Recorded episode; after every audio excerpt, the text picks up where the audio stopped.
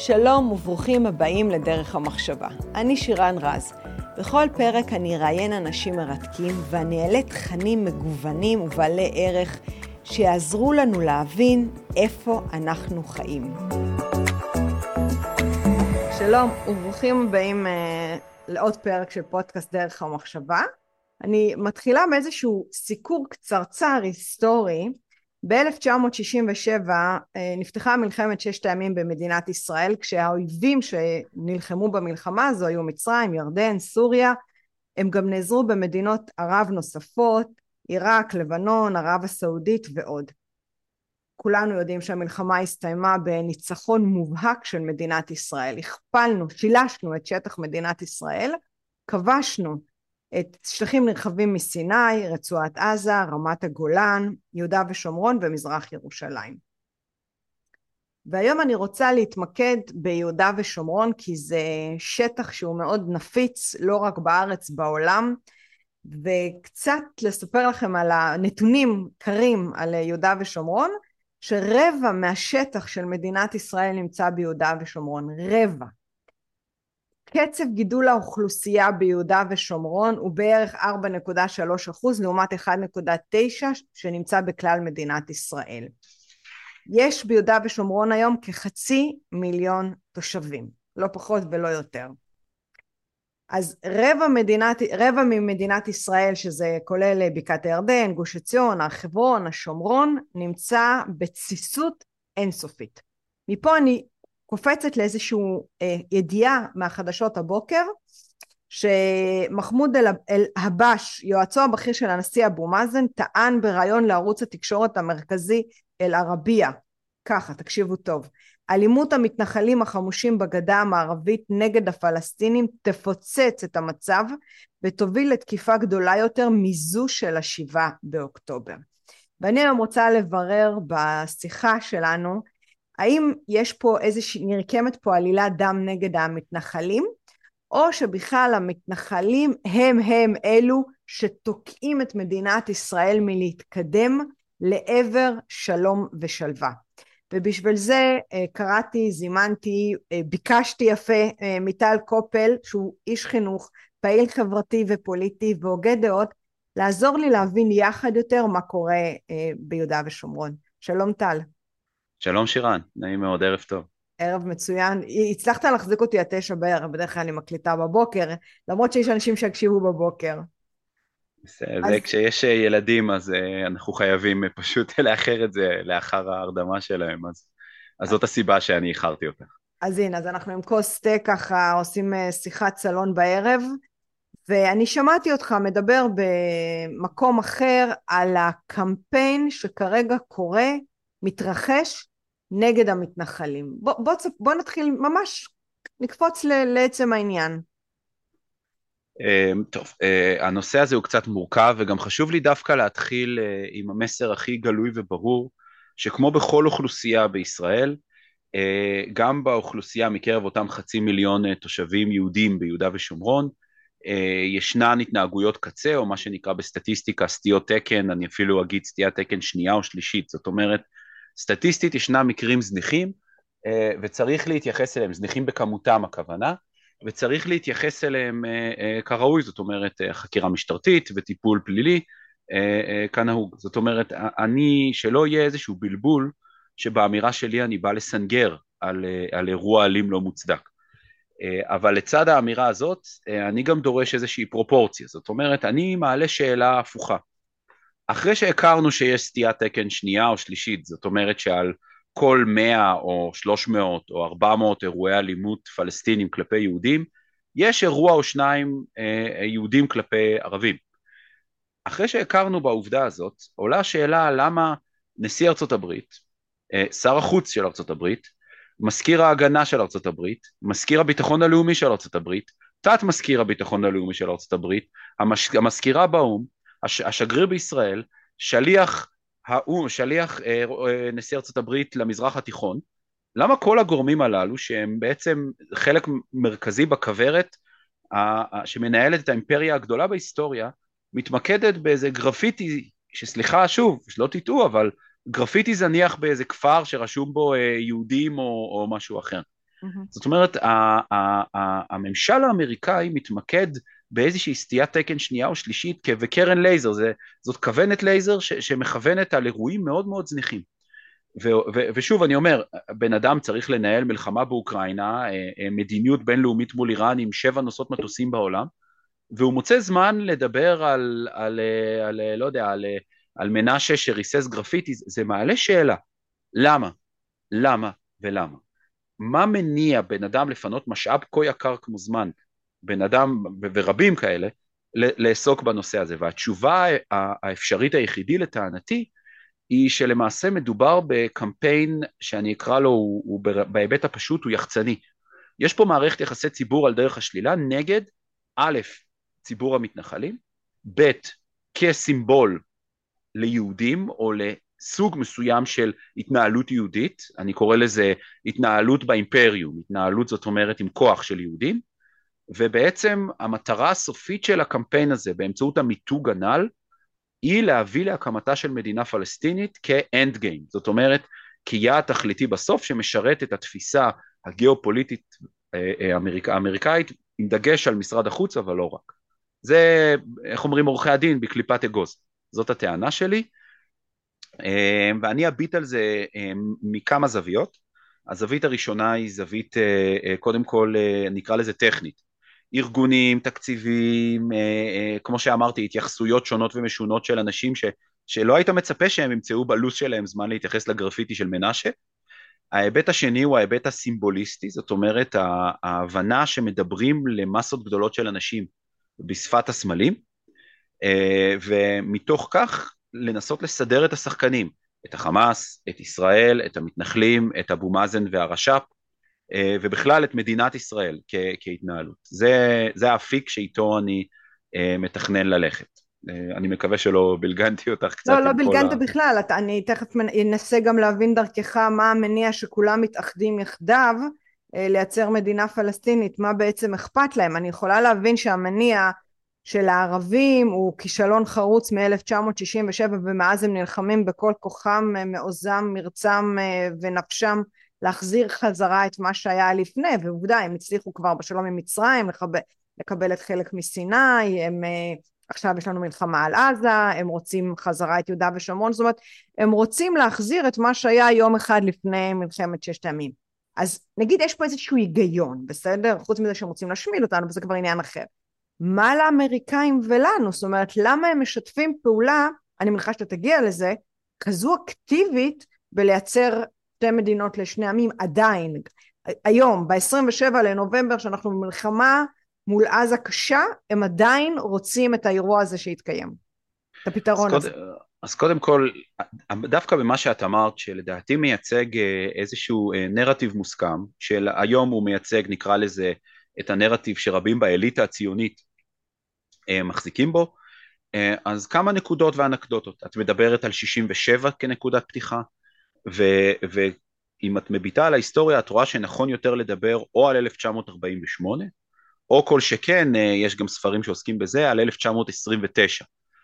זאת אומרת, המאבק הערבי, ואני בכוונה מכליל אותו כרגע כערבי ולא פלסטיני, כי הוא, הוא במובנים טכניים קדם לקיום הפלסטיני, זאת אומרת קיום פלסטיני כ, כאומה מוגדרת, עם, עם, וגם על זה עדיין יש ויכוח מחקרי. אבל נניח לצורך הדיון, uh, המאבק הזה הוא מאבק יהודי, ערבי, מקף מוסלמי, על כל תא השטח. המאבק הזה הוא מאבק על קיום ריבוני בתא השטח. כשאת מדברת על, אה, למשל, על, אה, בניגוד לסיני, ששם באמת יש החזרה של שטח לריבון שמשל בו קודם, ביהודה ושומרון מעולם לא היה ריבון. זאת אומרת, זה שטח שגם מבחינה משפטית וגם מבחינת המשפט הבינלאומי, אה, אפשר למצוא, בואי נאמר, דעות מכובדות שיטענו שאי אפשר להחזיר את השטח הזה כי הוא מעולם לא נלקח ממישהו. זה ההיבט הראשון הכללי. ההיבט השני, הוא מתייחס להנחת היסוד ש, שדווקא סיימתי איתה ואיתה לדעתי היא צריכה להתחיל. אם הוויכוח הוא על שטח זה או אחר ונחזיר, לא נחזיר, אז זה ויכוח שהוא נכנס לדיון הרציונליסטי. משאבים, אה, עם יחסי עוצמה וכולי. אבל אם אנחנו, וזאת טענה שלי כמובן, אה, מקבלים את הוויכוח או את העימות הישראלי ערבי מוסלמי הזה כאימון משחק סכום אפס, זאת אומרת על קיום, זאת אומרת יש פה בעצם מערכת שמד, במובן הזה, אז אנחנו לא יכולים להיעצר בשטח כמשאב ו- ולעשות שקלול משאבים. כי אם להביט על זה יותר כמו מרוץ מרתון, זאת אומרת, זה מרתון בהדרגה ובשאיפה בלתי פוסקת לסיים את הקיום היהודי על ידי תפיסה שלו כקולוניה מערבית, אה, עם קולוניה תרבותית וכן הלאה וכן הלאה. זאת אומרת, אם אני מניח שהמטרה היא עיון מדינת ישראל, אה, עיון עם א', זאת אומרת איפוסה, ביטולה והפסקת קיומה, אז כל הנחות היסוד משתנות. ו- וכאשר מביטים על זה, אפשר להבין את הצד הערבי בצורה קצת יותר לדעתי הגיונית. להבין את המערכת החמאסית של הסבבים מתוך האנד גיים שלהם. אז זה היבט אחד. עכשיו נתייחס להיבט האמריקאי. ההיבט האמריקאי הוא מאופיין הרבה פעמים, אני, אני קורא לזה, אם אתה רוצה, אמר, אמר אה, בודריאר שאם אתה רוצה להבין את כל ארצות הברית, מספיק שתיכנס לדיינר. אתה נכנס לדיינר אחד ואתה מבין את כל ארצות הברית. ואני אומר שמספיק לראות מערבון. בארצות הברית זה מתחלק, יש את הטוב, יש את הרע, יש את הזירה באמצע העיירה, ואני יורה ברע או הרע יורה בי, אבל המשחק הוא בעצם שהטוב נלחם לשם הטובים, הרע נלחם והוא רע קלאסי בשם התאוות בצע והרעים, וראינו את זה אגב בעיראק, אה, אה, ראינו את זה בקוריאה ובווייטנאם, זאת אומרת המערכת היא מערכת מאוד דיכוטומית, אני אגיד שלדעתי היא גם מאוד פשטנית, אבל הדוגמה לדעתי דווקא הבולטת ביותר היא הניסיון לדמוקרטיזציה של עיראק. מגיע ג'ורג' בוש, ג'ורג' W בוש הבן, ומתחיל מערכה, אני מדבר לא, להשלים את מלאכת אביו נקרא לזה, מתוך הנחת יסוד של אנחנו הטובים, אנחנו הנאורים, אנחנו הליברלים, אנחנו הפלורליסטים, אנחנו קדמה, אנחנו דמוקרטיה, אנחנו זכויות אדם, ובצורה שאין לי אלא לתאר אותה במובן מסוים כגסות גסות מחשבה, הוא מנסה לכפות את התבנית הזאת בצורה כאילו ממש הוליסטית על מדינה כמו עיראק, אם אפשר לקרוא לה מדינה, כי, כי מבחינת המערכים האתניים שבה היא היום חצי מפורקת ולא בכדי.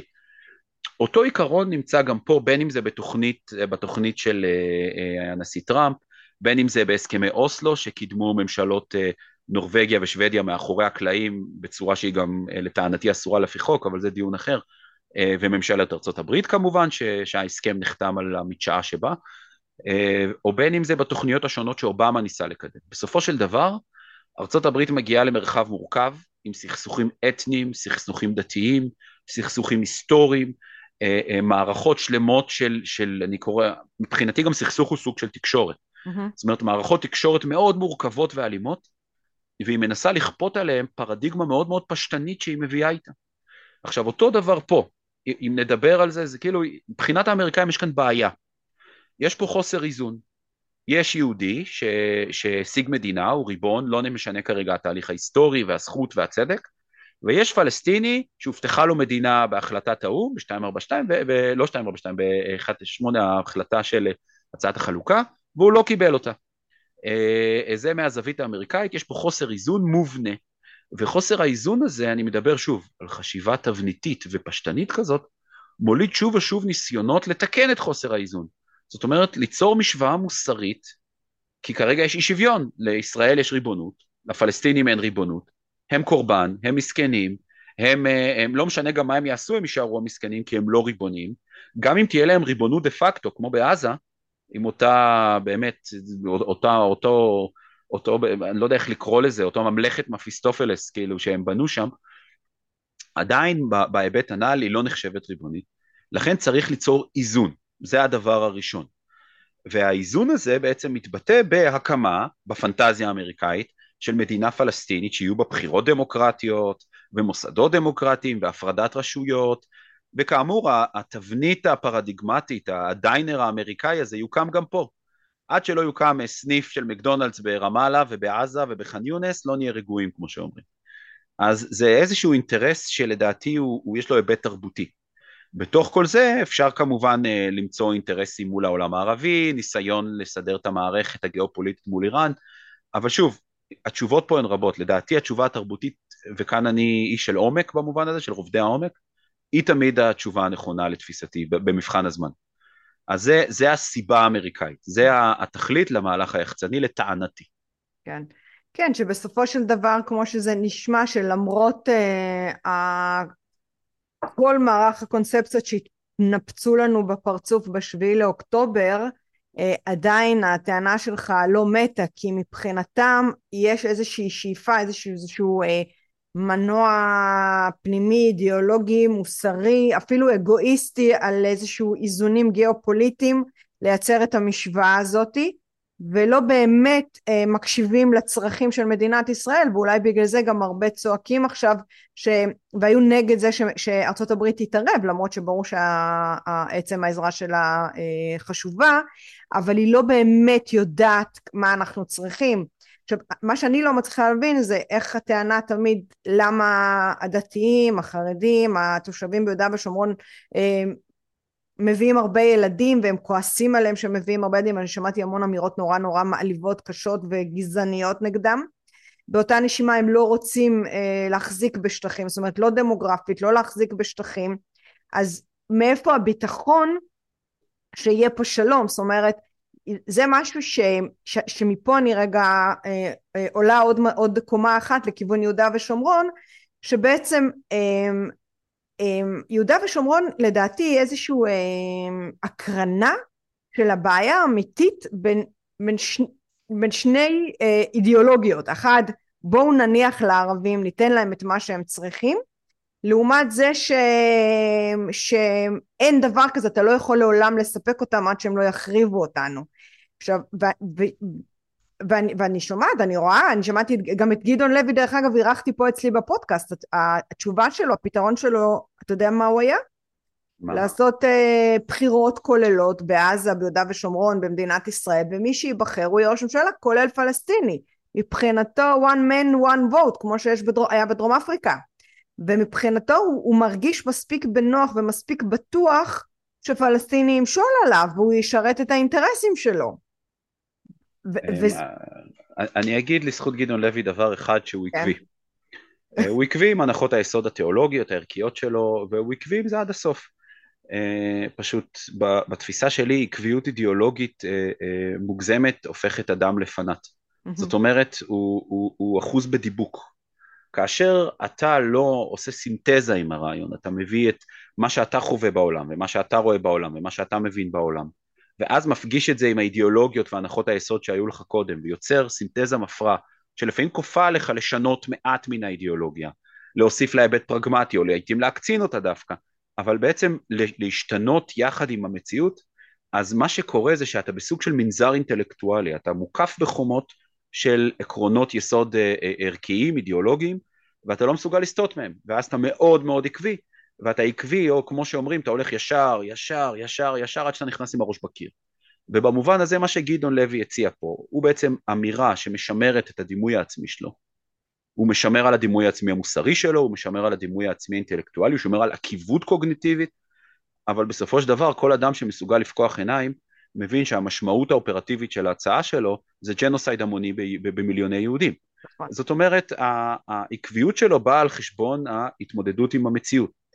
וכאן עם כל הכבוד לגדעון לוי אנשים כמוהו אנחנו נדון עליהם בהמשך אה, בעיניי יש להם איזשהו היבט משיחיסטי. הם המשיחיים האמיתיים. אה, אני ממליץ בחום על ספר שכתב פרופסור גולן להט פרופסור מאוניברסיטת תל אביב אה, שהוא התייחס אל אוסלו למעשה כפיתוי משיחי ככה הוא הגדיר אותו. והוא בספר שלו במחקר מאוד פשוט הדגים הגדיר מה זה משיחיות פוליטית לפי הספרות של מדעי המדינה והראה איך באמצעות שורה של התבטאויות, צעדי מדיניות ומקורות אחרים, למעשה כל החתירה אחרי הסכם אוסלו של האליטה הישראלית טעמה למודל הזה. משמע הבוז המשיחיסטי הזה כלפי uh, גוש אמונים או יורשיהם, יכול להיות שיש שם משיחיות, אבל, אבל, אבל מי, מי מוצא שם משיחיות? אדם שהוא משיחי בעצמו ולא מוכן להסתכל במראה. אני כן רוצה לחדד משהו על האינטרסים, כי זה יותר מתחבר כן. למהלך כן. שלנו. כן. את אמרת, אה, האמריקאים לא מתחשבים באינטרסים של ישראל. אז קודם כל, אין כזה דבר ביחסים בינלאומיים התחשבות בצרכים של ישראל. יש מערכי עוצמה, יש אינטרסים לשני הצדדים, כאשר הם חופפים אנחנו נראה המון התחשבות, כאשר הם סותרים אנחנו נראה אפס התחשבות, וזה משתנה פרסונלית לפי משטר, זה משתנה לפי תפיסה של ביטחון לאומי, וכן הלאה וכן הלאה. אז אנחנו מיד נגיע לזה, אה, וזה רלוונטי למה שאנחנו נדון עליו. וההיבט האחרון הוא שתפיסת העולם האמריקאית היא, היא, היא לא אגואיסטית, היא אגוצנטרית. זאת אומרת, האמריקאי הוא במרכז, הוא, הוא רומא, הוא הפקס רומנה המפורסם, אותו שלום רומאי שמשל בעולם מאות על מאות על מאות של שנים, הוא היום זה פקס אמריקנה, זה מושג ידוע, והם המרכז והם המגדיר, הם השמש, וכולם סובבים סביבם, בין אם זה באמת או לא באמת. ולכן כשהם באים לנתח את המזרח התיכון ובאים לפגוש אותנו, הם לא מסוגלים להבין אה, מושגים כמו בית המקדש, הר הבית, אה, גאולת ישראל, אה, עבודת הקרקע, הם לא מסוגלים להבין תורות בין אם זה הרב קוק או, או יצחק טבנקין או, או, או, או, או בן גורי, הם לא מבינים את זה. זה, זה פשוט, סליחה שאני אומר, ההבנה העמוקה של התהליך, תהליך הלאומיות היהודית גדול עליהם במובן הזה. ו- ולכן צריך להבין שכל המערכת פה היא נמצאת בכמה מישורים שונים, זאת אומרת רובדים שונים של עומק. הרובד האמריקאי האימפריאלי כופה עלינו, לנו יש את הרובדים שלנו שלא יקבלו שם מענה, לכן השפה צריכה להיות שפה אחרת, זה הדבר השני. הדבר השלישי, את דיברת על שתי הפרדיגמות ש, שנמצאות שם ביהודה ושומרון, נניח לערבים או אין דבר כזה. Mm-hmm. זה נובע משתי הנחות יסוד אה, אה, של הוגים מאוד ידועים. הראשון הוא ז'אן ז'אק רוסו, קדמו לו אחרים, אבל במובן הזה ז'אן ז'אק רוסו דיבר על האדם כאיזושהי פלסטלינה של חינוך ותרבות, ו- ואם רק נצליח להושיע, להרחיק אותו מהתרבות הרעה, מהתרבות המשחיתה, מהמצב של החוסר, אז אנחנו נחזיר אותו למצב טבעי, למצב אצילי, ש- שבטבעו הוא ירצה לעשות איזשהו טוב במובן מסוים. מאידך, uh, התפיסה של, uh, uh, של הובס, אותו הוגה בריטי ידוע והבסיס לריאליזם, היא תפיסה שמבוססת יותר על התנ"ך, היא תפיסה מעט אפלה יותר בגרשיים, והיא מניחה שמלכתחילה יש באדם מקורות ויצרים אפלים. יש מקורות ויצרים אלימים ואכזריים, זה לא פסול וזה לא מותר, זאת עובדה. אה, ומתוך ההבנה הזאת אתה יוצא למסע הזה, איך אני מגדיר את המציאות. עכשיו, כאשר אנחנו מסתכלים שנייה על, ה... על המערכת היחצנית, וברשותך פה אני אדלג עכשיו לקמפיין, אה, שנייה רגע, לפני שאתה אה, מדלג לקמפיין, סליחה, לקמפיין. כן. אמ, אפשר להישאר ברובדי העומק האלה הרבה זמן, לא, לא, לא, אני רק רוצה לחדד פה איזושהי נקודה, כי זה ככה קפץ לי. כשרוסו אמר שכמובן אפשר להפוך בעצם כל בן אדם עם אקלים נכון לבן אדם טוב, אני לא חושבת שהוא טעה. כאילו הרי השייח' יאסין כש, כשהוא בא לישראל והוא אמר אה, תנו לי את עזה אנחנו נבנה שם מסגדים אנחנו נחנך את הדור הבא אנחנו ננטע בהם תרבות וחינוך ו, וערכים היה בזה היגיון אילו הוא באמת היה עושה את זה. זאת אומרת אם כל העזתים היו מחונכים על באמת תרבות נו... בריאה מערבית מערבית איך? מערבית, אם הם היו מערבית. ליברלים אז היה שם ליברליזם. אז אני מניחה שזה מה ש... אז, אני לא חושבת שהוא טעה, אבל אני חושבת שהבעיה, ופה, ופה זה נופל כל הזמן, של העולם, דרך אגב ראיינתי פה אה, אה, פרק לפניך אה, בחור שהיה מוסלמי והתגייר והוא אומר אתם לא צריכים להבין אנחנו מהבוקר עד הלילה זה מה שאנחנו שומעים במסגדים זה מה אנחנו שומעים בתוך הבית זה ה-small talk זה מה שקורה ברשתות החברתיות אנחנו מגיל אפס מחונכים לשנוא ולהרוג יהודים ולהעיף את ישראל מעל פני האדמה. אז, אז אני חושבת שרוסו צדק, רק שהעולם המערבי לא מבין שאין להם שום אינטרס באמת לשנות את, את, את החינוך ואת ה, את האידיאולוגיה. הייתי חייב פשוט להוסיף את ההערה הזאת. אז, אז, אז כאן ההבנה שרוסו לא צדק, מכיוון שהתנאי שרוסו יהיה צדק זה שכולם יקבלו את רוסו. כן, זאת אומרת, ברור. בשביל שרוסו כן. יהיה צודק, כל העולם צריך לנבוע מרוסו, וזה בדיוק נכון. האגוצנטריות או האתנוצנטריות המערבית שלא רואה את עצמה. Mm-hmm. במובן הזה אני, אני לא חושב שכל התפיסות הפוסט-קולוניאליסטיות וכל מה שמדברים עליו באקדמיות הוא מאה אחוזים שגוי. הוא, הוא כמובן נלקח לקיצון מופרך ומוטרף לחלוטין, אבל יש פה איזשהו נקרא לזה בליינד ספוט מערבי, ו- ואני אחדד את זה. Mm-hmm. אותו, אותו מוסלמי שהתגייר, ואני מקווה באמת שיהיה לו רק טוב וכל הכבוד לו על הצעד האמיץ והמדהים הזה, אה, אה, הוא בעצם הוכיח את הטענה שאם היינו נותנים לשייח' יאסין את עזה, אם נתנו לשייח' יאסין את עזה, אם הוא רק היה אנחנו, אז היה שם אנחנו. אבל, אבל הוא לא אנחנו, הוא אחר. הוא אחר לא במובן של, של מרטין בובר, או במובן ששר החינוך לשעבר שי פירון דיבר עליו, האחר הוא אני.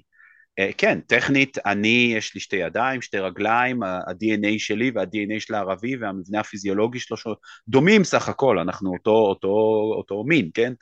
אבל, אבל השונות היא כל כך עמוקה וכל כך רדיקלית, שאנחנו למעשה בונים עולם שונה לגמרי שנינו, אני והוא, זאת אומרת החלומות שלנו שונים, הערכים שלנו שונים, הנורמות שלנו שונות, תפיסות העולם שלנו על מהו חזון הגאולה ואם יש גאולה, וזה נכון גם לסיני, ליפני, להודי, לאינדיאני, זה לא משנה, זה, זה נכון ברמה כזאת, זאת אומרת השונות בין התרבויות היא כל כך רדיקלית שניסיון של תרבות אחת לדבר על כל האחרות הוא, הוא, הוא נועד לכישלון וזה אגב הקונספציה שמדברים עליה, הנחת היסוד ש, שאותו, וכתב על זה כבר ז'בוטינסקי, הוא אמר על אותם, על, הוא דיבר ספציפית על מאמר של נחום סוקולוב, שאם רק נבנה לערבים מסילות רכבת, אז הם ינטשו את המאבק הלאומי-שבטי שלהם. וכאילו, וז'בוטינסקי לועג לזה.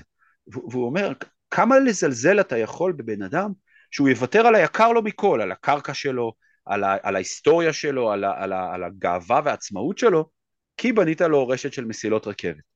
ו, ואני חושב שזה גם חלק מההיקש שעלינו לקחת לכאן היום. אבל שוב, אם את רוצה, אני אנהל את לא, לא הפודקאסט לא, הזה, אפשר לדבר, אני, אני ממש אוהב לדבר על הדברים האלה. על ז'בוטינסקי אבל... בכלל, אני חושבת ש, שהוא ידע, את, הוא הבין אז את מה שאנחנו כבר מתחילים לפספס משנות התשעים, בדיוק את מה שאמרת כרגע, אבל אני כן רוצה אה, לקפוץ פנימה ליהודה ושומרון, כי אה, אני חושבת שזו פצצה מתקתקת, שכדאי שנבין מה קורה שם. אני יכולה להגיד שראיתי השבוע מפה אה, של כל גדר הביטחון מסביב כן, ליהודה ושומרון. של רגבים. כן, של רגבים, רגבים, בדיוק. הם גם, אה, יש להם שלושה פרקים אצלי בפודקאסט, הם דיברו על יהודה ושומרון, הם הסבירו את זה, אבל זה מפה שלא ראיתי, ולאורך כל גדר הביטחון, איפה שאמור להיות שטח סטרילי בין יהודה ושומרון ליישובים, לערים הגדולות וליישובים היהודים, הכל מלא בבנייה פלסטינית שהיא לא חוקית ואף אחד לא אמר מילה זאת אומרת בקפיצה מהחלון הם יכולים לצאת למסע הרג אה, כמו שהיה בשביעי לאוקטובר שזה מזעזע. Okay. טוב, זה, זה, זה ממש נחמד, כי כל דבר שאת אומרת הוא פתח לשיחה עמוקה, לפילוסופיה של הדבר, מעשה מול דיבור אה, וכולי וכולי. אבל, אבל הפעם אני אעצור את עצמי, אני אתאפק. יאללה. ברמה העקרונית, וזה מתקשר גם למה שאמרת, קמפיין אלימות המתנחלים, כמו שאמרתי, הוא מהלך יחצני להקמת מדינה פלסטינית. הוא בנוי על מיתוג או סימול של היהודי כמחולל האלימות. זאת אומרת, אם היהודי הוא מקור הבעיה, אם האלים הוא המתנחל והמתנחל הוא היהודי, אז בעצם אתה עושה פה כמה תופעות. הראשונה היא שאתה שומט מתחת לרגלי היהודי את הלגיטימציה המוסרית להגן על עצמו. טל, תחזור רגע על המשפט שאמרת, שיהודי מחולל אלימות, איך אמרת את המשפט? אם היהודי הוא מחולל האלימות. כן. זאת אומרת, האלים הוא המתנחל, המתנחל mm-hmm. הוא איזשהו ארכיטיפוס ליהודי האקטיבי, נקרא לזה היהודי כובש הקרקע, אז למעשה היהודי מאבד את היכולת, את הלגיטימציה המוסרית להגן על עצמו. כן. ולמען הסר ספק, האמריקאים הוציאו הנחיה שנשק שהגיע לכאן מארצות הברית לא יחולק בהתנחלויות, כי הוא עלול לפגוע בפלסטינים. משמע, אותן התנחלויות שנמצאות בשטח מסוכן מאוד, בטח לאור מה שקרה בשמחת תורה, בעצם נשללה מהן הלגיטימציה להגן על עצמם בעיני המשטר האמריקאי, זה הדבר הראשון. הדבר השני שיוצא כתולדה מה, מהמיתוג הזה, הוא שהקורבן הוא לא היהודי הנרצח, הוא בעצם הפלסטיני. אנחנו ראינו אגב דוגמה נפלאה לזה אה, אה, כאשר, ושוב אני לא בא להצדיק את המהלך, אני לא בא לתמוך בו, אני גם לא בא להתנגד לו, אני פשוט מתאר עובדות. אחרי שהלל ויגל נרצחו באותו פיגוע מזעזע בחווארה, ולפניהם נרצחו שם ואחריהם נרצחו שם, זאת אומרת אותו כביש דמים בלב הכפר המרושע הזה, שאני זוכר איך נסעתי באחד הסיורים, נסעתי, זה היה לפני כ-15 שנים, ו- וכל המנורות הרחוב היו עם תמונות, עם, עם תמונות של אנשים, והמדריך שהוביל אותנו אמר, תסתכלו רגע, אנחנו רואים, אוקיי, מה זה? והוא אומר, הוא עצר רגע את האוטובוס והוא הקריא לנו אה, מתחת לכמה דוגמאות. ולמעשה כל מנורות הרחוב היו עם תמונות של שהידים שרצחו חיילים או אזרחים. זאת אומרת, הפולחן, נקרא לזה הפולחן במרחב הציבורי של המוות והרצח והגבורה בזה, היא, היא, היא טוטאלית, אין שם, אין שם מקום לספק, אין שם כן. איפכא מסתברא, אין שם אופוזיציה, זה לא קיים. האופוזיציה זה, אתם לא מספיק קיצוניים, זה צריך להבין את זה. אבל אם נחזור אחורה, אז לאחר הרצח של הלל ויגל, אה, ירדו אותם מתנחלים, אותו נוער גבעות, אותם כמה עשרות, אנחנו לא בדיוק יודעים כי עד היום אין על זה מידע מדויק, ואכן אה, אה, הם פיצו שם מה שלאחר מכן נקרא פוגרום, שזה קצת מצחיק לאור מה שקרה בשביעי באוקטובר, אם זה פוגרום אז אנחנו ראינו פה שואה על ספידים, כן, אבל, אבל נחזור שנייה לפרופורציות. אה, הם אה, אה, שרפו משחטת רכב, השחיתו רכוש, הם שרפו עוד בית, אני הבנתי כמדומני שנפצע באופן משמעותי שם ערבי, דברים שכמובן אני לא בא להביע תמיכה בהם, אבל היו פה למעשה שני אירועים. עכשיו, היה פה מחולל, היה פה תוצאה, התוצאה לא מוצדקת וזה, ואני לא חושב שהיא צריכה לקרות, אולם כשאת מסתכלת על תגובת הממשל האמריקאי, כל השיח היה כמעט ללא יוצא מן הכלל, או ממוקד בפעולות אה, אה, אותם מתנחלים תושבי האזור, או ממוקד באופן שווה בשניהם. זאת אומרת, הצבנו משחטת רכב מול רצח של שני אחים בהוצאה להורג. או במק... וזה במקרה הטוב, במקרה הפחות טוב, אה, כאילו סתם מת... מתנחלים התפרעו כי, כי קמו בבוקר. זאת אומרת, הקורבן הוא פלסטיני. יש אי שוויון, כמו שאמרתי מקודם, הקורבן הוא הפלסטיני, לכן נדרש מבחינה מוסרית תיקון. המנגנון פה הוא להניע את ההמונים לשמוע ולהרגיש את האי שוויון הזה מתוך רצון לפעול. טוב, חייבים לתקן את זה. במובן מסוים, אה, בתוך השמאל הישראלי, אה, אה, דוקטור שאול קנצלר מאוניברסיטת בר אילן פרסם בזמנו ספר על השמאל הישראלי, ושם הוא העלה מושג שאני מאוד אוהב, שנקרא הציונות השנייה.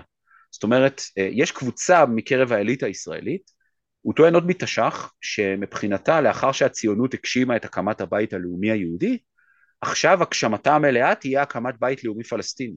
זאת אומרת, הם, הציונות שלהם מתבטאת בפעולה למען תנועה לאומית פלסטינית. ואיפשהו יש פה איזשהו מצב שרוצים ליצור איזון מוסרי גם מבחינת מחולל אלימות וקורבן, וגם מבחינת לעורר את המצב, אם, כאילו למה אנחנו שם, מה הרציונל של להיות שם, למה הם מותקפים, למה אין להם כוח כמו לנו. עכשיו, היבט שלישי שנובע מזה, זה שאבו מאזן איננו אויב, הרשות הפלסטינית היא לא סכנה, המתנחל והיהודי הם הסכנה. הרשות הפלסטינית עם ממוני הצבא שלה שמתרגלים פלישות לשטח בנוי ואני מוסיף במאמר מוסגר שיש להם עשרות של שריוניות מה זה שריונות? זה רכבים משוריינים שיכולים מחר לפרוץ ל-40 התנחלויות, תדמייני את זה, ואין איך לעצור אותם, אין לכיתת כוננות איך לעצור אותם. לא בכדי אם שמעת בין הכותרות דיברו על לספק לכיתות הכוננות בהתנחלויות טילי נ"ט, שזה מופרך לחלוטין, אנחנו נמצאים בסיטואציה שהיא לא נתפסת. למה, למה צה"ל מדבר על זה בשושו, בשושו, בעדינות, באיזה הדלפה? כי, כי הם יודעים שיש איום כזה. עכשיו... צה"ל לא צריך אפילו בשושו, אתה רק נכנס לטלגרם של התושבים ביהודה ושומרון ואתה רואה את הצילומים של הפלסטינים שם, איך הם חמושים ואיך הם מאומנים ומיומנים ואת ה... הם נראים נראה כמו צבא לכל דבר. אני לא חושבת שזה אפילו רק רכבים ממוגנים, זה באמת מסתירים מהציבור את המוכנות הצבאית שיש היום לפלסטינים ביהודה ושומרון. בהחלט, בהחלט. החמאס אגב לדעתי בנה ועדיין בונה על זה, אם לא עכשיו אז לעתיד. כן. אה, וכאן, אם נאמרי שנייה לזירה הרחבה, אינטרס אמריקאי לאומי מובנה זה אה, שכל מדינה שהיא בת ברית או אפילו פרוקסי במובנים מסוימים כמונו, תהיה כמה שיותר חלשה. זאת אומרת, האופרציה הריבונית שלה לא תוכל להתממש. היא לא, ארה"ב לא רוצה שישראל תממש אינטרסים לאומיים שלה, אלא את אלה שחופפים או תואמים או קרובים לאינטרסים הלאומיים של ארה"ב. זאת אומרת, אם יש אינטרס לאומי יהודי, נניח וממשלת ישראל החליטה על רכס הרים חשוב שצריך להתיישב בו, נאמר אה, מה שנקרא מבשרת אדומים, שטח E1, וזה מנוגד לאינטרס הלאומי האמריקאי, אז המטרה שלהם זה להחליש את יכולת המימוש והביצוע הישראלית בשביל למנוע את הפעולה הישראלית. זאת אומרת, מבחינת הברית מה שבסנטר זה האינטרס האמריקאי. כאשר אני יוצר מערכת מוסרית, יחצנית, סימבולית, שבה הקורבן הוא פלסטיני, היהודי הוא מחולל האלימות, אגב זה משפיע לתוך החברה הישראלית וגם בחוץ, אבל נדבר פנימה, אז למעשה נמנעת מהיהודי התנהלות אימפריאלית או ריבונית, זאת אומרת הוא לא מסוגל להיות בעל העוצמה שכופה על המציאות את האינטרס שלו. לכן את רואה, לדעתי, את רואה התנהלות מאוד מאוד מהוססת ביחס למה שהיה יכול להיות בעזה, אה, את רואה אה, חשיבה מאוד מאוד מאוד זהירה סביב לבנון, את רואה מערכי פעולה שהם הרבה יותר מעודנים ממה שלדעתי חושבים חלק מה, מהאליטה הפוליטית שלנו, כי שוב, הם פשוט לא יכולים לזוז. האמריקאים א' סינדלו אותם בהרבה היבטים חומריים כמובן, אבל גם מבחינה מוסרית, אתה לא יכול לפעול היום ביהודה ושומרון להסיר איום כמו טול כרם מכביש 6. אתה לא יכול להסיר איום כמו אותם כפרים שאנחנו כבר התחלנו לראות, יורים רקטות לכיוון יישובי הגלבוע. יישובים שאני מזכיר הם כולם בתוך שטחי מה שנקרא 48, זאת אומרת הם ישראל הריבונית, כל דבר ועניין. אנחנו רואים שישראל לא מסוגלת להפעיל עוצמה. וחלק מזה זה שוב, זה מערך של עוצמה רכה, אתה, אתה פוגע ב, ביכולת שלה להפעיל עוצמה. אז זה אה, במובן מסוים אה, אה, אה, לתאר בעצם את המטרות של הקמפיין הזה, את התכלית שלו, את אופן הפעולה שלו, להכניס אותו למערכת של יחב"ל, של יחסים בינלאומיים. אני מנסה לדבר על זה רציונלית, יש לי את העמדות שלי, יש לי את הרגשות שלי, יש לי את האידיאולוגיה שלי, ואני משוכנע שהיא גם משפיעה מעט על הניתוח, כי זה כולנו, אבל, אבל אני כן מנסה לדבר על זה רציונלית, זאת אומרת לבנות נתיב מנומק עם ראיות שמנסה להסביר התנהלות. וכאן את רואה mm. למשל את, ה, את ההגעה של בלינקן והנאום שלו שמדבר על הצורך מיד אה, אה, להעביר לרש"פ את הסמכות על עזה. כי, כי מה המטרה? נתניהו פעל באסטרטגיה של פיצול, כולם דיברו על זה כבר, אני לא מלמד משהו חדש, מתוך הנחה שהפיצול משרת את התחייה או את ה, את, מונע את הקמתה של מדינה פלסטינית. האמריקאים יחפשו איחוד, זה, זה חלק מהרציונל. אה, אה, השיח יתמקד ביהודה ושומרון, כי אני לא רוצה שידברו על החמאס הברברים, הסמי נאצים האלה ש, שעשו את הזוועות, אני רוצה לדבר על המתנחל האלים. זה מה שאני רוצה שיהיה בתודעה של ההמונים, שהם ידברו על זה. אה, וכמובן, שוב, את דיברת על זה, על אנשים אחרים שהיו בפודקאסט. זה, זה, אנחנו מדברים פה על האמריקאים, בואו בוא, אנחנו בין... בתוך עמנו אנחנו חיים ואני יכולה להגיד שאנחנו שומעים את הטענות האלה גם בינינו. זה לא זה משהו שאני שומעת יותר אנשים שאומרים המתנחלים עליה בכעס ובשנאה ותמיד מזכירים את הסיפור של דומא מה שעם הרצח שם דומא סליחה מה שהיה שם עם הרצח והשבוע גם כן איזה מישהי שאני מכירה אמרה כל התקציבים שהולכים ושיצאו משם כבר. כאילו הם המסע הם גיבנת הם מכבידים עלינו. כאילו אני יכולה להבין את כל מה שאתה מסביר לי על האמריקאים וזה מאוד מסתדר אבל עדיין אני זה לא יורד ככה איך אומרים עד הסוף עד השורש הפנימי. איפה בישראל עדיין לא מבינים שההיאחזות והחוזק הדמוגרפי וה, וההיאחזות בקרקעות, בקרקעות הוא חשוב לביטחון, הנה עובדה, עובדתית מה שקרה בשביל אוקטובר. זאת אומרת זה משהו שאולי תוכל טיפה להסביר לנו יותר, כי, ואני מחדדת, אתה בטח תגיע לזה עוד מעט, על בצלם ו, וגרורותיה שעושים לנו שמות uh, מבחינת uh, שיווק. אמ, כחלק, כחלק, כחלק אני, אני, אני מסכים עם הפגיעה שלהם, אני, אני מעדיף לא להשתמש בשפה של אה, גרורות, הם, okay. הם, אוקיי. מספיק, הם מספיק נוראים לאינטרס שלנו גם בלי המטאפורות לתפיסתי ובעבורי. קודם כל אני, נתחיל לדבר דווקא מהאינדיבידואל. אוקיי. Okay. אמ, כאשר אנחנו מביטים על אותה קבוצה, אה, צריך להיזכר באותו טור ידוע של יאיר לפיד אחרי ההתנתקות. Mm-hmm. והטור הזה חשף משהו שלמרות שעכשיו אנחנו לא רואים את זה, כי יש ערפל של אחדות סביב המלחמה, אבל כשהערפל יתפזר השסעים יחזרו, ואותו מאבק בין מה שגדי טאוב הגדיר כניידים, אני, אני טוען שזה, שלקרוא לזה ניידים זה מצמצם את זה, אם כי זו הגדרה לא רעה סך הכל, בין הניידים והנייחים, או בין האנשים שהם הם נטועים בתפיסת העולם הגדול לעומת המקומי, בין אנשים ששייכים לתפיסה ותרבות פרוגרסיבית פוסט מודרנית, לעומת אנשים שיונקים את ערכיהם יותר מהיהדות, זאת אומרת מהדת ומהמסורת, אה, למעשה הכל נמצא בשסע הזה. יאיר לפיד דיבר ואמר מפורשות שההתנתקות לא הייתה צעד ש, שנבע מתוך, לפחות לתפיסתו, אה, אה, רציונל מדיני או רציונל אסטרטגי, אולי נימקו את זה ככה, אבל כאמור התפקיד, רוב הנימוקים שאנחנו שומעים הם שקרים, הם, הם בעצם כלים רטוריים להגשמת אידיאולוגיה שמוסתרת מאחוריהם. והוא אמר מפורשות שהוא דיבר, היה, אני לא זוכר אם זה היה להכות בראשם או לכופף את ראשם או לקפד את ראשם, של אותם מתנחלים, אותה אליטה. בשביל זה צריך ללכת קצת לתהליך הזה שנקרא חילוף האליטות. בישראל יש היום מאבק מאוד גדול אה, סביב, אה, נקרא לזה, האחיזה בהגמוניה. ההגמוניה כמושג מחקרי ש, שנלקח מתחום הסוציולוגיה המרקסיסטית, הוא מתאר הרבה הרבה, יש המון דרכים לתאר אותו, אבל אם, אם נגיד את זה, אני מתמצת את זה ככה. א', מי שמחליט על מה מותר לדבר ועל מה אסור לדבר, מי שקובע מהו המתקדם ומהו הרגרסיבי, וזה ב', סליחה, ג', אה, מי שמסוגל לחופף ולהפעיל את מנגנוני המדינה, את המוסדות השונים, בהתאם אה, את מוסדות, מוסדות השלטון וה, והתרבות, בהתאם לאותם ערכים שציינתי באלף ובית. כן. Uh, זאת אומרת, אני מתייחס גם להיבט החומרי של ההגמוניה וגם להיבט התרבותי של ההגמוניה. ואנחנו רואים שישנם מעוזים של ההגמוניה המסורתית, המפאיניקית, שהלכו ונשחקו. מרכזי שבהם הוא כמובן הצבא. Uh, אנחנו רואים את, ה, את הכמות האדירה של אותם בני הציונות הדתית, uh, גם בדגש יחסית מרכזי תושבי יהודה ושומרון, uh, בצבא הלוחם, כבר עכשיו בתוך עזה אנחנו רואים, לא עלינו, אבל, אבל זאת עובדה, בנתוני הנופלים וכולי. זאת אומרת, צריך להסתכל על החברה כעל לוח שחמט בקונפליקט הזה. ו- ו- והציונות הדתית, שוב, לא במכוון, זה איזשהו תהליך גדול יותר, הפרש זז משבצות לפה, והרץ זז משבצות לפה, והצריח של אלה זז משבצות לפה. זאת אומרת, אנחנו, אנחנו יכולים לראות תגובות ותגובות נגד.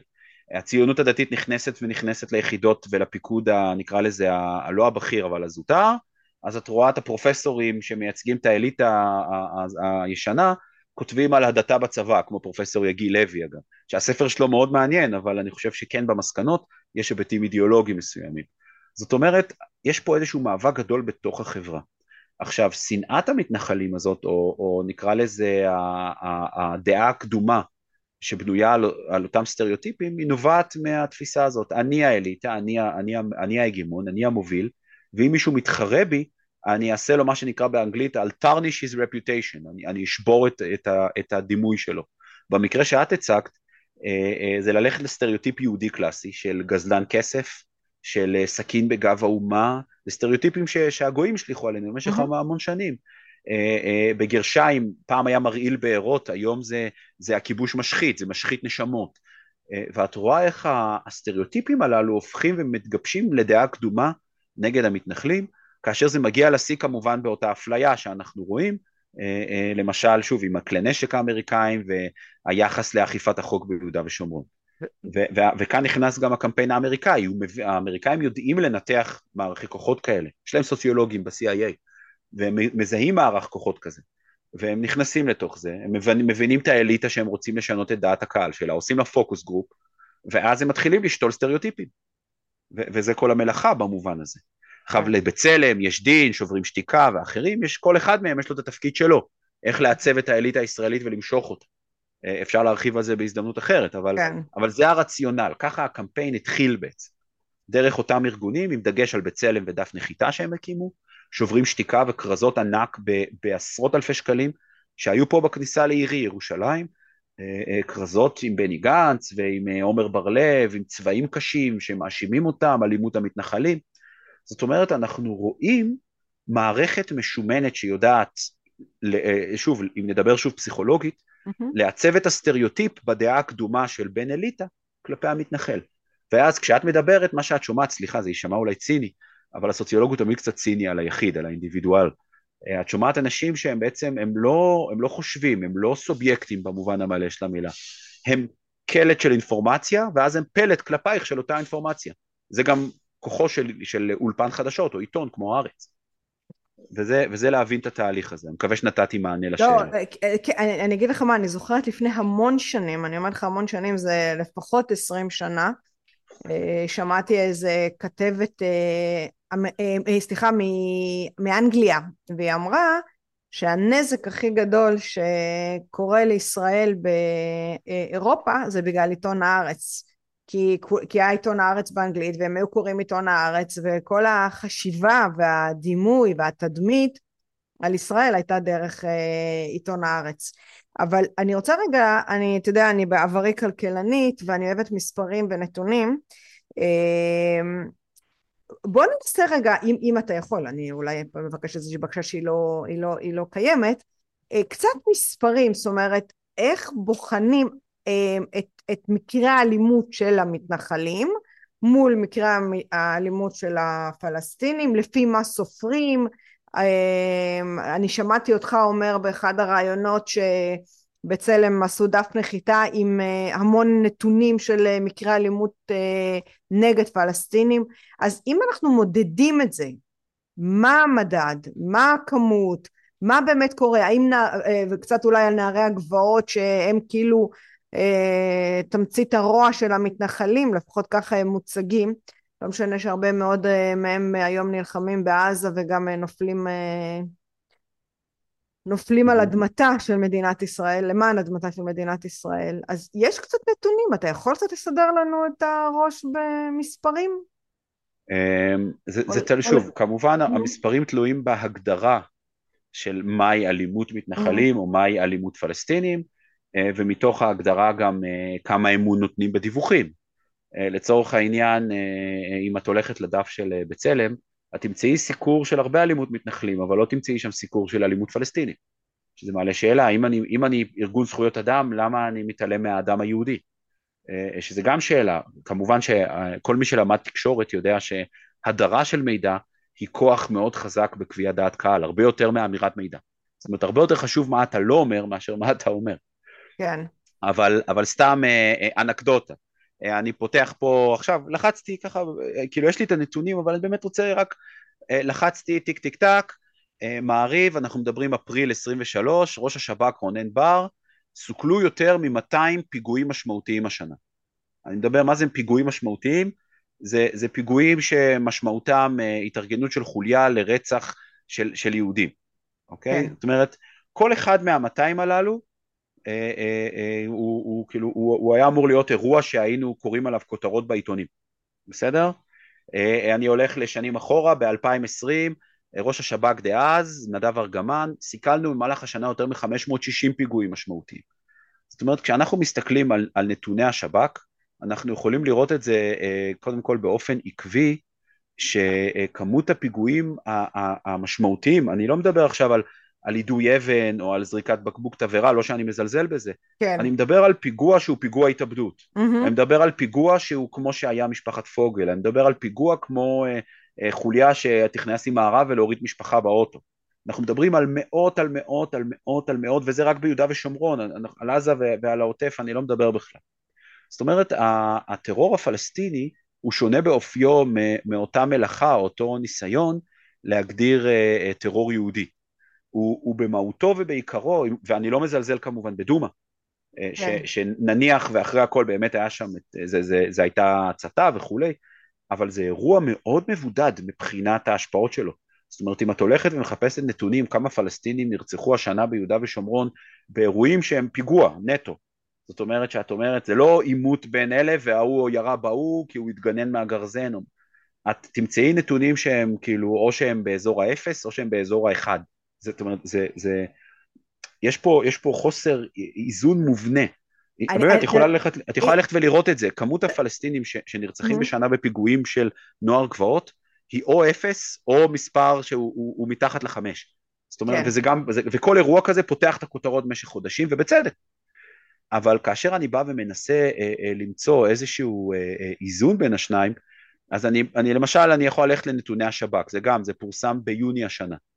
אה, אה, נתוני השב"כ מדברים, ושוב, אנחנו, אה, סליחה, אנחנו מדברים על, על פיגועים רק לצורך העניין במאי-אפריל, אני מקריא לך את הנתונים. במאי-אפריל חמישה פיגועי דקירה, ארבעה פיגועי דריסה, 19 פיגועי הצתה, 30 ירי מנשק, מקרים של ירי מנשק קל, 98 מטעני צינור, אנחנו מדברים על סדר גודל של 250 בקבוקי תבערה, וזה רק בגזרת איו"ש ובירושלים, זה רק הפעולה הפלסטינית, ו- ו- וזה מדהים לראות את זה, כי את רואה שלמשל יידויי אבנים, שזה רוב, רוב הדיווחים על טרור יהודי זה יידויי אבנים או עימותים כן. אלימים, השב"כ מדווח על אפס יידויי אבנים. ידעת? מסתבר שלא יידו אבנים על יהודים ב- ב- ביהודה ושומרון לפי השב"כ. ואז את נכנסת וקוראת בהסבר, ואת רואה שהשב"כ הפסיק לספור אה, אה, זריקות אבנים שלא גרמו לפחות לפצוע בינוני ומעלה. וואו, איזה זאת אומרת, זאת אומרת, את נוסעת עם הילד שלך בלילה, חוטפת אבן בחלון, הילד בוכה, אתם בטראומה, כמעט מתת כי הרכב סטה, וזה לא נחשב אפילו, זה לא נספר כפיגוע. כן. אוקיי? ולעומת זאת, אם אני הולך לדף אה, של בצלם, אלימות מתנחלים, mm-hmm. אוקיי? דף אגב שעשוי uh, בגרפיקה מאוד יפה, uh, למטה גם כתוב שהאיחוד האירופי uh, מתעד אותו, אז אני הולך פה לאירוע האקטואלי, שני בנובמבר 2023, זה אירוע אקטואלי. אה, אה, שנייה, אה, בשעות הבוקר הגיע שומר התנחלות לשני מטעי זיתים של תושבי קהילה, ובהם 245 עצי זית. הוא הכניס למטעים כ-300 ראשי צאן והותיר אותם לראות במטעים עד השעה 11. זה אירוע אלימות מתנחלים שנרשם אצלם. אה, למשל, הנה, איפה זה? קהילה פונתה בכפייה לאחר שמתנחלים איימו, הטרידו וזרקו רימון הלם. נניח וזה קרה זה לא חיובי, אבל רימון הלם, אה, אנחנו מדברים על 90 מטעני צינור. את מבינה את הפרופורציות? זה, זה נספר כ... רגע, רק... זה כן, נספר כאירוע כן, אלימות כן, מתנחלים. כן, כן. זאת אומרת, ההגדרה של אלימות מתנחלים היא הגדרה מאוד רחבה ומכלילה, בעוד שההגדרה של אלימות פלסטינית, ואני מדבר על השב"כ עכשיו, לא על בצלם. היא על הקצה העליון העליון. זאת אומרת, אני יכול להגיד לך מהנתונים שאני מקבל שבכל יום יש עשרות מקרים של זריקות אבנים על יהודים. Mm-hmm. בין, לעיתים זה 30-40, לעיתים זה 60-80, לעיתים זה נושק למאה, וזה לא מתועד בכלל. זה לא מתועד, זה לא קיים.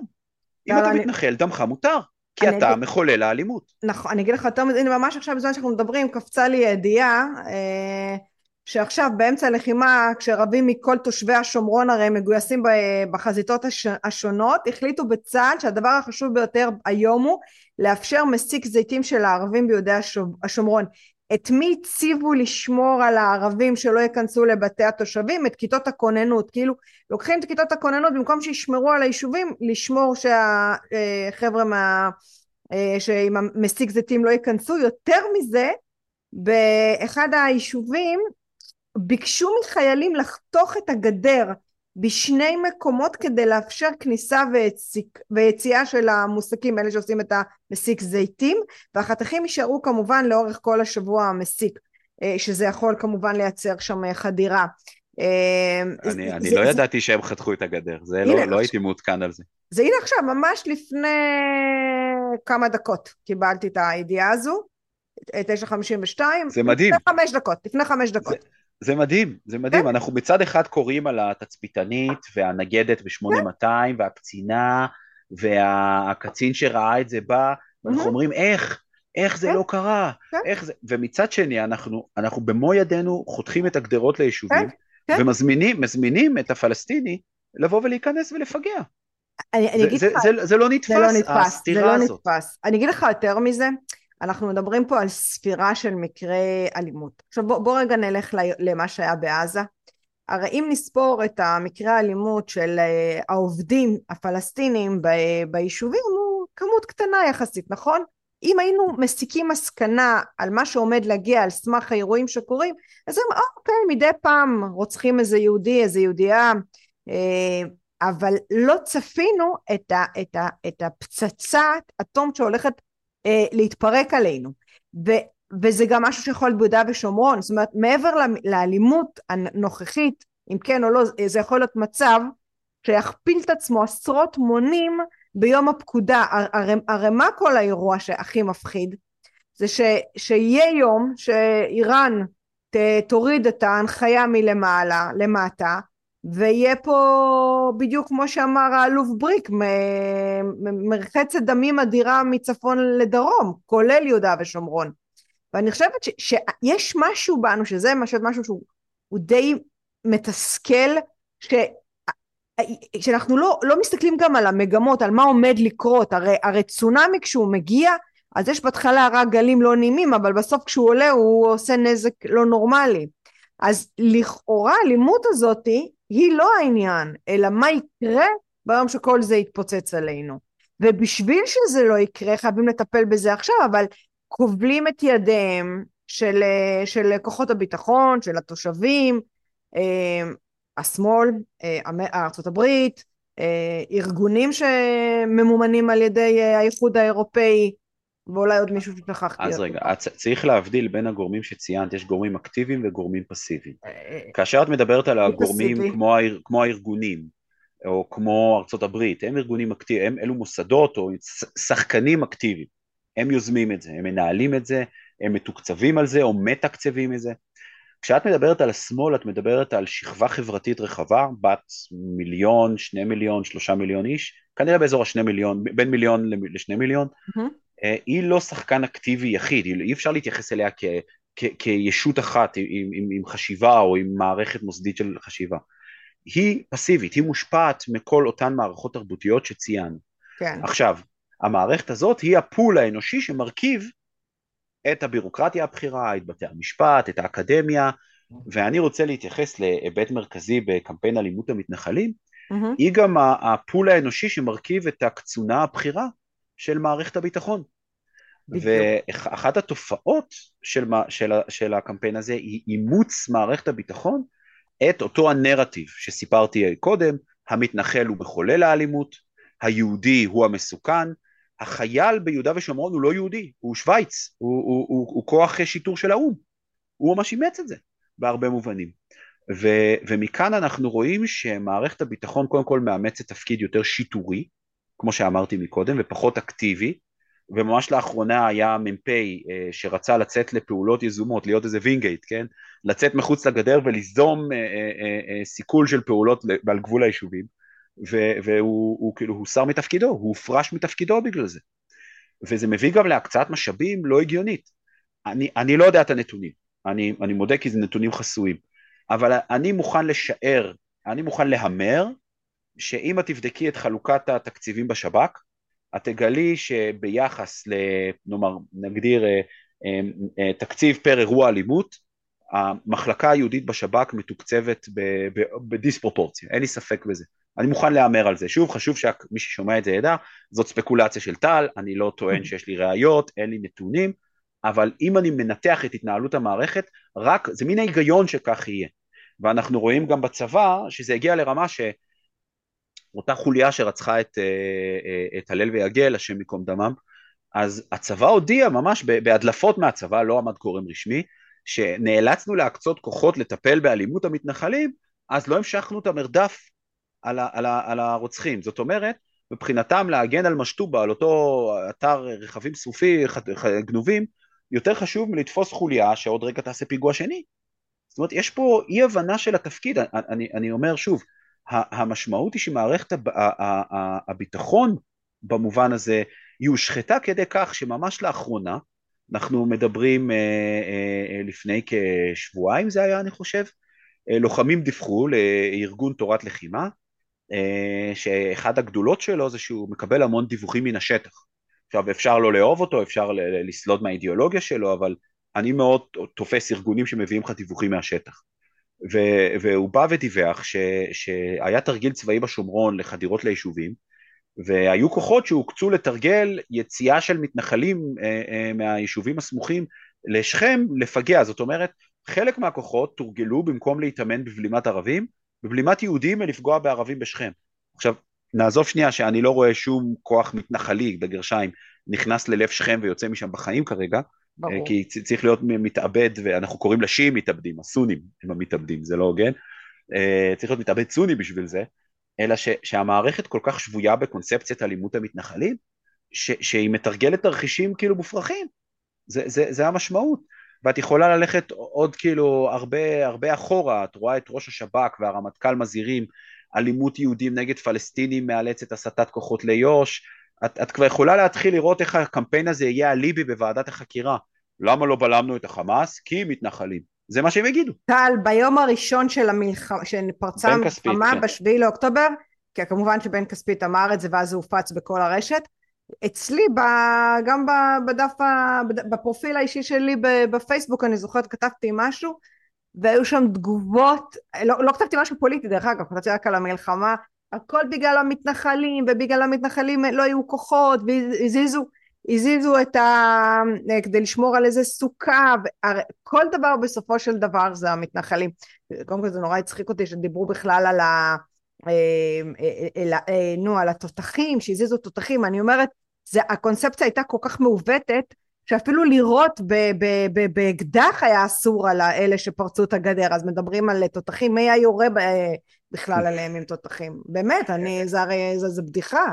אז עוד שנייה אני, אני רוצה שנחזור לזה, כי, כי שוב, ה, ה, הנושאי שיחה פה הם מרתקים, אני יכול לפתוח איתך על כל, כל דבר שדיברת זה שעה שיחה, ורובדי העומק וכולי, אבל, אבל אני, חשוב, חשוב להבין, למשל, ב, ב, אחרי האירוע, בעשירי ל-11, מוסף שבת של ידיעות אחרונות, הכתב עודד שלום כותב על אלימות מתנחלים בכתבה גדולה, ושם הוא מביא גורם ביטחוני שלא, שלא מזדהה בשמו, או מה שאת יודעת, גורמי, או גורם ביטחוני בכיר, זה הציטוט, אני מסתכל עליו עכשיו, האלימות של המתנחלים ביו"ש מפריעה לצה"ל, נקודה, חייבים להבין, זה עלול להביא להסלמה שתוביל לפתיחת עוד זירה.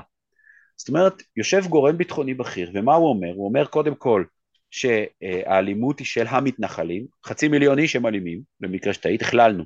כן. דבר, דבר שני, זה מפריע לצה"ל, אה, כי אנחנו הבנו, צה"ל צריך לתרגל תרחיש שהם אה, תוקפים את שכם, הסכמנו עם זה. ואז האמירה חייבים להבין זה עלול להביא להסלמה שתוביל לפתיחת עוד זירה.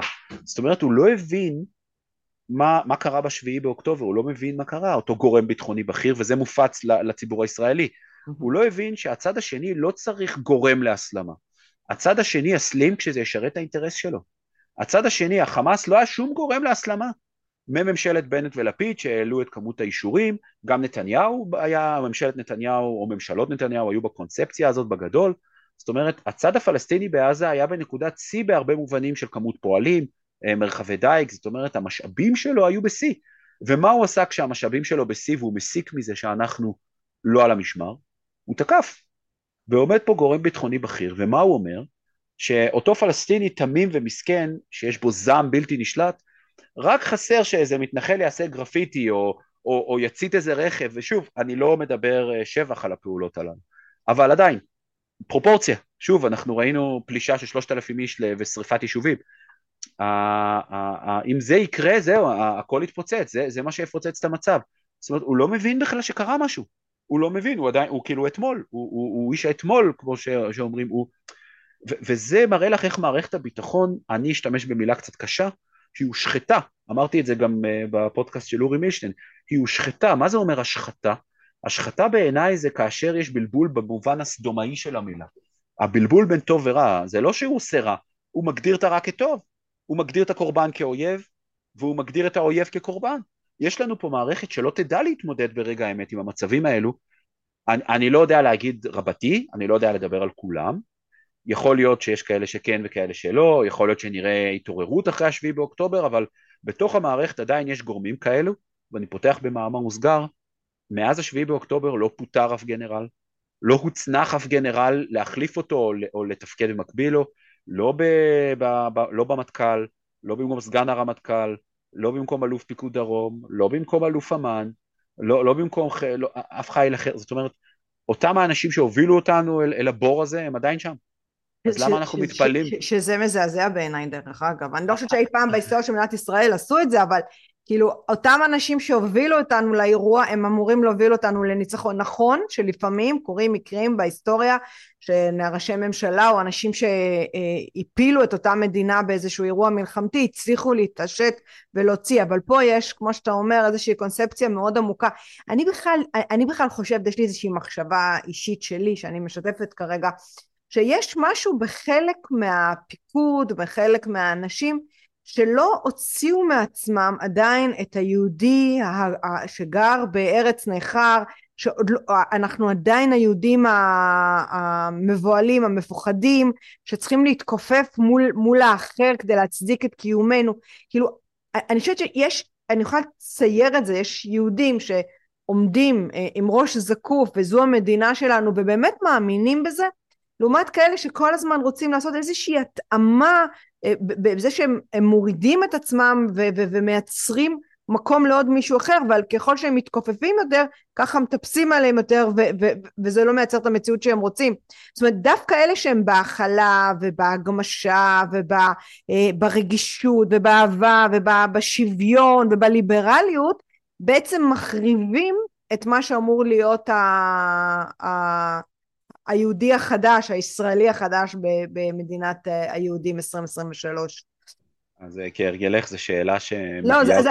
לרובדי עומק תרבותיים, בתיאולוגיה כן, וסוציולוגיה. בדיוק. אז אני, השאלה, אני... לענות על השאלה או להרחיב לא, לא, על הדיבור לא, לא, לא, אתה לא חייב לענות, אני סתם שמתי פה את בוחרת? אני אשמח, אני אשמח את שניהם, שתי אפשרויות מרתקות. מה, לענות? אני, תראי, התשובה לשאלה שלך, או לפחות האנליזה שלי, אה, לאותה הבחנה שהעלית פה, אה, היא נוגעת במרכיבים שהם שוב, הם, הם סוציולוגיים, הם תיאולוגיים, הם, הם נובעים מאיך ציבור שלם בונה את הנרטיב של עצמו, שייכות לאידיאולוגיה מסוימת, במקרה הזה הפוסט-מודרנית, וכן הלאה וכן הלאה. זה נושא שיחה אחד. נושא שיחה שני זה קמפיין אלימות המתנחלים. לכן זה נורא נורא מורכב, כי, נכון. כי, כי זה נוגע בהכל, ודווקא אולי אני, אני אנסה לגעת במה שאת אמרת דרך ה, ה, ה, איך האמריקאים רואים את זה. Okay. אוקיי. זאת אומרת, דיברתי מקודם על אותן דמויות שהרבו בשיח והתמקדות באירועים שהם סטטיסטית זניחים וגם באופן יחסי אה, אה, אה, הם גם זניחים בנוגע לתגובות, כמו אותו רצח של הלל ויגל ומולם שריפת משטובה, כן? שריפת משחטת רחם. המטרה האמריקאית היא לשרטט פתרון של שתי מדינות במובן הזה, כמו שאמרתי, על ידי משוואת מחולל אלימות ו- ו- וקורבן. אם אין אלימות יהודים, זאת אומרת, יש פה הודעה שהמתנח... שהערבים הם האלימים, אז, אז חיסלנו את פתרון שתי המדינות. אתה לא יכול לתת מדינה לאלים שאתה מכיר בכך. לכן על מנת שהערבי ייתפס כ- כפרטנר, בשביל שאבו מאזן יהיה הפרטנר, צוחקים על זה בימין, אבל, אבל באליטה הישראלית זה עדיין כך. אה, הוא, היהודי חייב להישאר אשם, והערבי חייב להישאר קורבן. ו- ו- ובכך אנחנו ממש יכולים לראות ש, שיש פה מערכת שקמפיין, ש, שגם משפיע על הציבור פנימה, וזה מתחבר למה שאת אומרת. אם המתנחל הוא אויב, והערבי הוא הקורבן, והוא הצודק והוא הידיד, אז אין לך אויב להכריע. גם עכשיו בתוך עזה, תראי, יש שיח שהוא שיח אה, אה, מאחד, שיח נקרא לו סטריאוטיפי. אה, כל הערבים, כל החמאסים, כל עזה הם, ויש שיח מבדל, שיח של אה, האזרחים שם, יש תושבים ויש שלטון, זאת אומרת שיח שהוא יוצר אה, אידאות אה, ברורות וקשיחות בתודעה של המאזין ושיח שמפורר את האידאות לאינדיבידואלים. השיח המפורר הוא הליברלי, הוא גם לא פסול, אבל, אבל לפעמים הוא גם לא צודק. והשיח המאחד יכול ללכת למקומות מאוד מסוכנים, אנחנו חווינו את זה על, בש, על בשרנו כיהודים, אבל מאידך הוא, הוא לפעמים נכון לטענתי, כאשר אתה מדבר על מסגרת תרבותית ש, שבעצם מנפיקה ג'יהאד במובן הזה. אם המתנחל הוא אויב והערבי הוא קורבן, אין אויב להכריע. אם אני מצליח לראות את הערבי המסכן ש, שחטפו לו את הקרקע או שפגעו לו בעדר, באמצעות ההומניזציה הזאת, אני מכניס אותו למסגרות חשיבה ליברליות של זכויות, של פליליות, אנחנו מיד ניגע בזה, למה אני אומר פה פליליות, אה, ובעצם אנחנו יוצרים מסגרת שבה ניצחון למעשה ביהודה ושומרון, זה ניצחון לנוער הגבוהות. את רוצה לנצח את המערכה ביהודה ושומרון, תביסי את המתנחלים, הם האויב. הם האויב. ו- וזה פשוט היפוך פסיכי של היוצרות. ו- ובהקשר למה שאמרת, היה ראיון שזעזע פה את, ה- את, ה- את הקולות, אה, ראיון עם מפקד טנק צעיר, מפקד מחלקה, סליחה, ו- ואני כרגע לא בא לשפוט אותו אישית, או, או למרות שיש לי דעה, אבל, אבל אני, אני מנסה להשתמש בדבריו כ- כאנליזה, שוב, לנתח אותם.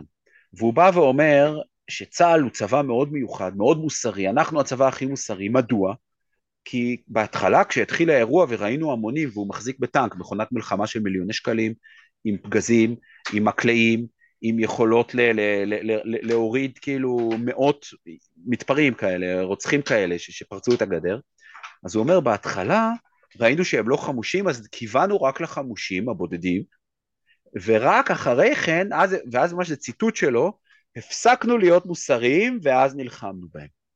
עכשיו, מה, מה האמירה פה? זה בעצם, הוא אימץ... אני אחדד, את... אני שמעתי את זה, הוא גם, לא, אני, אני אוסיף עוד נדבך, ב, אני, אני שמעתי את ההקלטה הזו. הוא אמר, אנחנו ידענו שהם אונסים ורוצחים, ובגלל שהם לא היו חמושים, אנחנו לא ירינו. ושימי, אוקיי, זה אני לא זכרתי, השם כן, נראה, זה מה שהוא אני, אמר. אני, כן. אני עוד יותר מזועזע עכשיו. כן, זה מה שהוא אמר, זו הקלטה שלו, זה ציטוט. כן, בקול ברמה. כן. אז, אז נעזוב שנייה שוב את מה דעתי על האיש. איך יכול להיות שמ"מ, בוגר קורס הקצינים של צה"ל, בוגר מערך ההכשרה הערכי של צה"ל, אם הוא, אם הוא קצין יש לו גם אה, מה שפעם היה קאבה, היום יש לזה, זאת אומרת זה עדיין נתונים גבוהים יחסית. איך יכול להיות שבן אדם כזה אומר משפט כזה, ההשחתה הערכית הזאת, איך זה... ואת דיברת מקודם על החצייה של הגדר. כאשר אנחנו רואים את הצבא ככלי משטר או ככלי שוטר, אז ואנחנו, אין לנו אויב, אז למעשה אנחנו מתחילים להביט על האויב, ופה אני מדבר שנייה מציאות, על האויב האמיתי, אנחנו מתחילים לנתח אותו בכלים פליליים. למעשה הזירת הקרב עוברת בגרשיים אני אגיד אזרחיזציה Mm-hmm. או פליליזציה ו- וכאן כבר נכנס התפקיד של היועצים המשפטיים ש- שעומדים שם על הגדר ואומרים לזה רק עד הרגל, עד הברך, עד הזה גם היום אה, בניין, האם הבניין הופלל? זאת אומרת השיקול הצבאי נהיה משני לשיקול המשפטי כי למעשה אתה מתמודד מול וכאן אנחנו מדברים על ה... על ה, על ה נקרא לזה על, ה, על הסוברניה הגלובלית. כולם בני אדם, כולם עם זכויות, ומכאן לכולם צריך להתייחס כאזרחים במובן מסוים. זאת אומרת, אזרחים לא במובן של אזרחי הרפובליקה, אלא אזרחים שמדברים civilian lives, כאילו הם חפים מפשע, ואתה לא מסוגל לנהל חשיבה קרבית צבאית טוטאלית, בו זמנית עם חשיבה אזרחית פלילית של סוברניה אה, אה, אה, אה, במובן הזה של בית משפט, אז את מוצאת התנגשויות, את מוצאת יחידות שנשלחות לתוך אה, אה, אה, מערכי קרב, בלי שפתרו ויצרו להם תנאים נוחים לשרידות, כי אומרים, תראו, אחוז האזרחים בג'באליה שנשאר הוא לא גבוה מספיק לחגורת אש. אז אתה אומר, האם הלוחמים שלנו הם זבח? הם קורבן עולם? מה זה הדבר הזה? איזה מין מולך זכויות אדם זה שהוא תובע את חיי החייל? מה זה הדבר הזה? ו- ואת רואה שהמערכת הצבאית, אה, אה, לפחות חלקים בה, לא מצליחה לדבר בשפה צבאית, אלא היא כל הזמן נמשכת לשפה משפטית, שהיא כאילו פלילית, אבל למעשה, כמו שאמר אהרון ברק, מלוא כל הארץ משפט. עכשיו, כשהוא אומר כל הארץ, לדעתי הוא לא מתכוון מלוא כל ארץ ישראל, מלוא כל הארץ ככדור הארץ. ו- ולמעשה אנחנו מוצאים מצב שאין יותר אויב, יש אינדיבידואלים, והיחס אליהם לא יכול להיות כהנאצים, או, ה- או הקומוניסטים, או הווייטנאמים, לא משנה כרגע, אלא, אלא אחמד ו- ופטימה, ואנחנו לא מסוגלים לראות יותר בגוונים של הישרדות שבטית. עכשיו, יש כאלה שיקראו לזה קדמה, אני אקרא לזה אה, אה, חיגרות, טיפשות, אווילות, מזוכיזם, נטיות התאבדותיות, יש לי עוד הרבה מילים גסות שאני אחסוך מה, מה, מהצופה, מהמאזין, אה, אבל, אבל בעיניי אדם שלא מסוגל ברגע מלחמה, כמו אותו מפקד טנק מ"מ בשריון, לבוא ולהגיד, טוב, הם כולם פה אויבים, כולם מותו, ו, ו, ובעצם בתוכו יש איזו חרדה מוסרית, ממש יש איזו, איזו חרדה ניורוטית אולי, אולי הפרא שבהשתלט עכשיו, אם אני אהרוג את כולם וחלק מהם אזרחים תמימים, אולי אני אושחת, אני, הכיבוש משחית, אני מושחת עכשיו. יש פה טרלול מוחלט, שהמחיר אבל... שלו, ואני, רגע, אני רוצה לסיים, כן, מחילה. כן, כן. המח, המחיר שלו הוא חורבן שמזכיר את ימי המונגולים. זה, זה עשו לנו מעשים שהמונגולים עשו בבגדד, זה, זה, זה כריתות ראשים ובדורות, אה, זה, זה מדברים על אושוויץ, זה לא נכון להשוות את זה לאושוויץ או לשואה בגדול, כי לדעתי בשואה היה היבט יותר סיסטמטי, יותר מודרני, יותר בירוקרטי, הייתה פה התפרעות של כוח כובש, זה מזכיר כיבושי מונגולים. אנחנו, זה פשוט לא להאמין. והמ"מ אומר, אני, אני הייתי מוסרי, איזה צבא מוסרי יש לנו? איך נגדיר צבא מוסרי? צבא הומני, צבא של שלום, צבא של זכויות אדם, צבא של משפט, צבא של, של יועץ משפטי או פרקליט שאומר למפקד על זה מותר לך ועל זה אסור לך. זה, זה, זה טרלול, אין לי דרך אחרת לתאר את זה, זה חוסר שפיות מובהק. אני רוצה לענות, יש שני דברים שאני רוצה להגיב על מה שאמרת. הדבר הראשון, אני רוצה להוסיף עוד, עוד, עוד נקודת אה, מחשבה, שאני כן חושבת שבשנים האחרונות אה, סירסנו את הצבא גם עם אותו לוחם, אותו חייל, אותו שוטר, אותו אדם שמגויס לכוחות הביטחון, מבין שהוא צריך להגיב בחומרה, הוא עושה שיקול של מה יקרה לו. זאת אומרת, אני כן חושבת ש... אנחנו אה, אה, כל כך לחמנו בקיצון מול כל מי שניסה לצאת מהקו, צמצמו לנו מאוד את הקווים ואת התגובתיות שלנו, של, של כוחות הביטחון, ואני יכולה להגיד לך שאני שומעת נשים של שוטרים, שחלקן גם חברות שלי, שהן אומרות עכשיו אל תסתכנו, אתם לא צריכים לשבת בכלא, תשימו לב, כאילו, תפ... הם מפחדים עליהם, מפחדים שהם יגיבו כדי שזה לא יסתיים ב, בישיבה בכלא. אז זה איזשהו סירוס שאנחנו עוברים בגלל הרבה מאוד שנים, שאני חושבת שזה גם עוד איזשהו נדבך, ודבר נוסף, שיש הרבה השוואה בין מה שקרה עם החמאס בשביל אוקטובר לנאצים, ופה אני, אני רוצה להגיד פה משהו שחס ושלום לא לטובת הנאצים, אבל אני זוכרת כשהתחילה מלח, מלחמת העולם השנייה, הרי היו יורים ביהודים בבורות והם היו נופלים לתוך הבורות ומתים. ואז הבינו שזה עושה להם, היה קשה להם להסתכל בפרצופם של היהודים אז עברו ל, באמת למכון, להשמיד אותם אה, בגזים. אה, אז כאילו גם הנאצים אפילו לא היו מסוגלים ברובם להסתכל בפניהם ומצאו שיטות אחרות אה, להרוג אותם. בניגוד לחמאס שזה ברבריות לא נתפסת שהם נהנו אה, מההרג הנוראי הזה. והחמאס הם לא כאלה מלומדים וקרי רוח ושיטתיים אה, כמו שהיו הנאצים כאילו הם, הם, הם אין להם אני לא רוצה לפרגן להם ביכולות האישיותיים והאינטלקטואליים כמו שהיו לגרמנים אז, אז הם, הם פשוט פראים ברברים ואין לי שום מילה אחרת להגיד.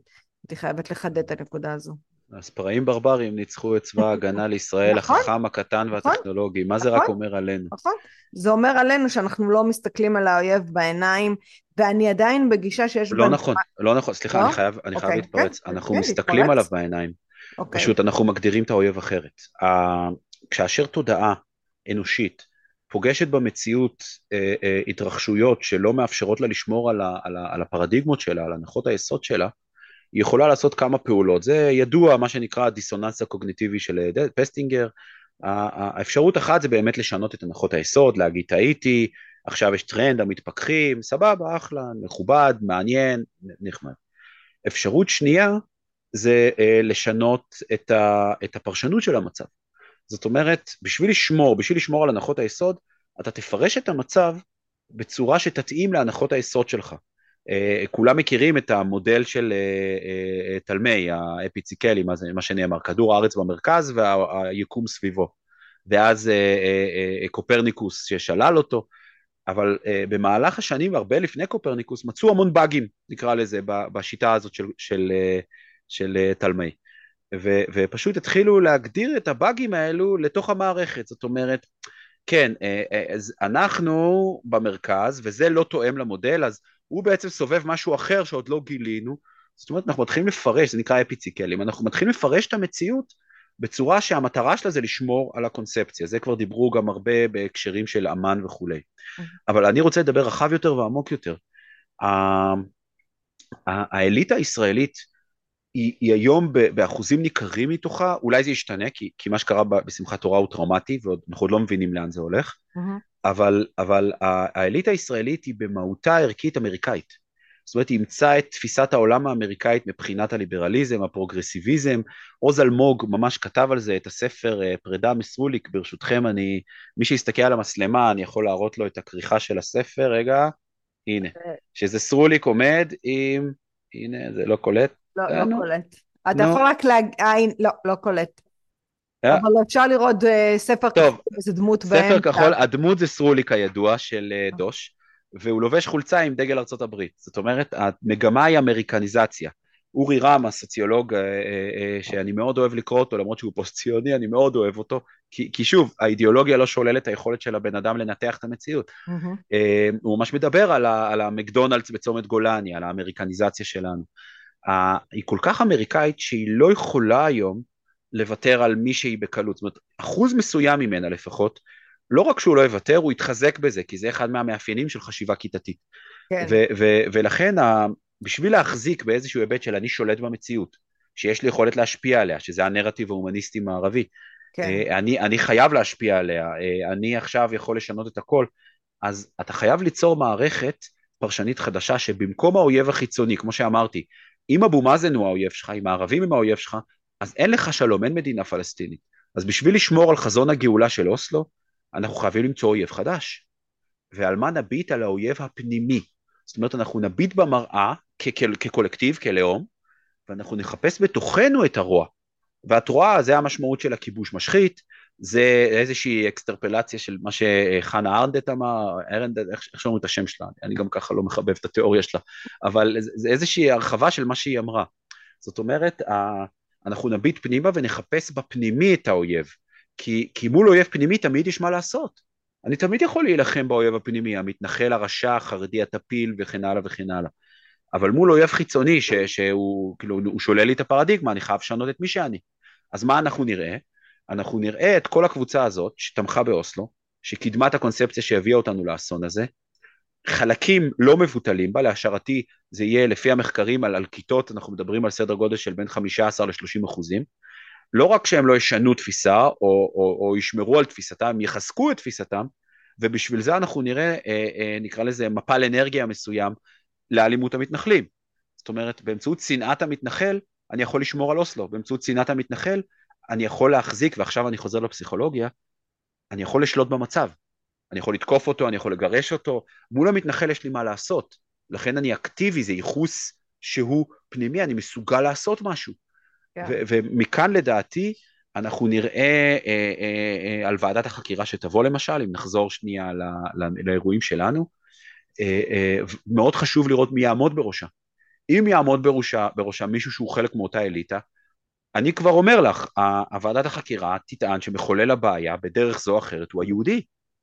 הוא היהודי, הממסד הביטחוני ינסה להוכיח את זה, כי, כי אף אלוף לא רוצה להגיד אני הטמבל, אני טעיתי, אני העלמתי ראיות, אף, אף אלוף לא ירצה להגיד אני חדל אישים, אז הם יגידו תראו כן אני לוקח אחריות, אני גם אתפטר, אבל זה המתנחלים, אבל זה אלימות היהודים, אבל זה הסטת הגדודים. ו- ולמעשה הממסד הביטחוני יגן על עצמו באמצעות הממשלה המשיחית הקיצונית בגרשיים או תקיפת המתנחל. כל מה שאת רואה עכשיו סביב התקציב, ואני לא בא להביע עמדה על התקציב כי אני, אני באמת לא מבין בזה כמוך, את כלכלנית, אבל אני בטוח שהיו תקציבים בעבר גרועים יותר וטובים יותר, והמורכבויות של כל סוגיה שם נוגעת למאות אלפי אנשים, ודווקא למורים החרדים אה, אה, אה, לתת להם את הכסף אולי זה, זה הוגן, לא, אני לא מבין, אבל זה לא משנה. הפרשנות תהיה שזו ממשלה משיחית קיצונית, הם פוגעים במאמץ המלחמתי, המתנחלים יוצרים עכשיו התססה בשטח, הם גרמו להסטת הגדודים, הסוכה של צבי סוכות, וכן הלאה וכן הלאה, כאילו, אני מזכיר, כאילו לרצוח עשרה אנשים בחווארה זה סבבה, זה לא צריך לטפל בזה. וזה יהפוך להיות הגורם בוועדת החקירה, זאת המשמעות. ויותר מזה, ויותר מזה, אם אני אחזור שנייה ליהודה ושומרון, המתנחל למעשה הוא, הוא כרגע צריך להבין, אני, אני, אני, אם הייתי מדבר עם ראשי המתנחלים, ציבור המתנחלים, הייתי אומר, אתם שורדים שם, כמובן שיש לצבא משקל, אבל במובן שדיברנו עכשיו, מפני התרחיש אימה הזה, אתם שורדים כאילו, אני, אני לא רוצה להגיד למרות הצבא, אבל אתם שורדים בגרשיים לצד הצבא, לא בעזרתו. כאילו, תתגוננו, הוא, הוא, הוא חותך לכם את הגדרות, תחשבי על זה. לא, זה הזיה, תקשיב, אני נתתי רק ידיעה אחת, אבל מה שקורה שם ביהודה ושומרון באמת זה הזיה, הצבא שאמור להגן עליהם, למשל נשים שמבקשות נשק במדינת ישראל מקבלות לפי הקריטריונים, ביהודה ושומרון ממש מקשים עליהן לא לתת להם נשק, והן יותר מכולן כמעט צריכות נשק.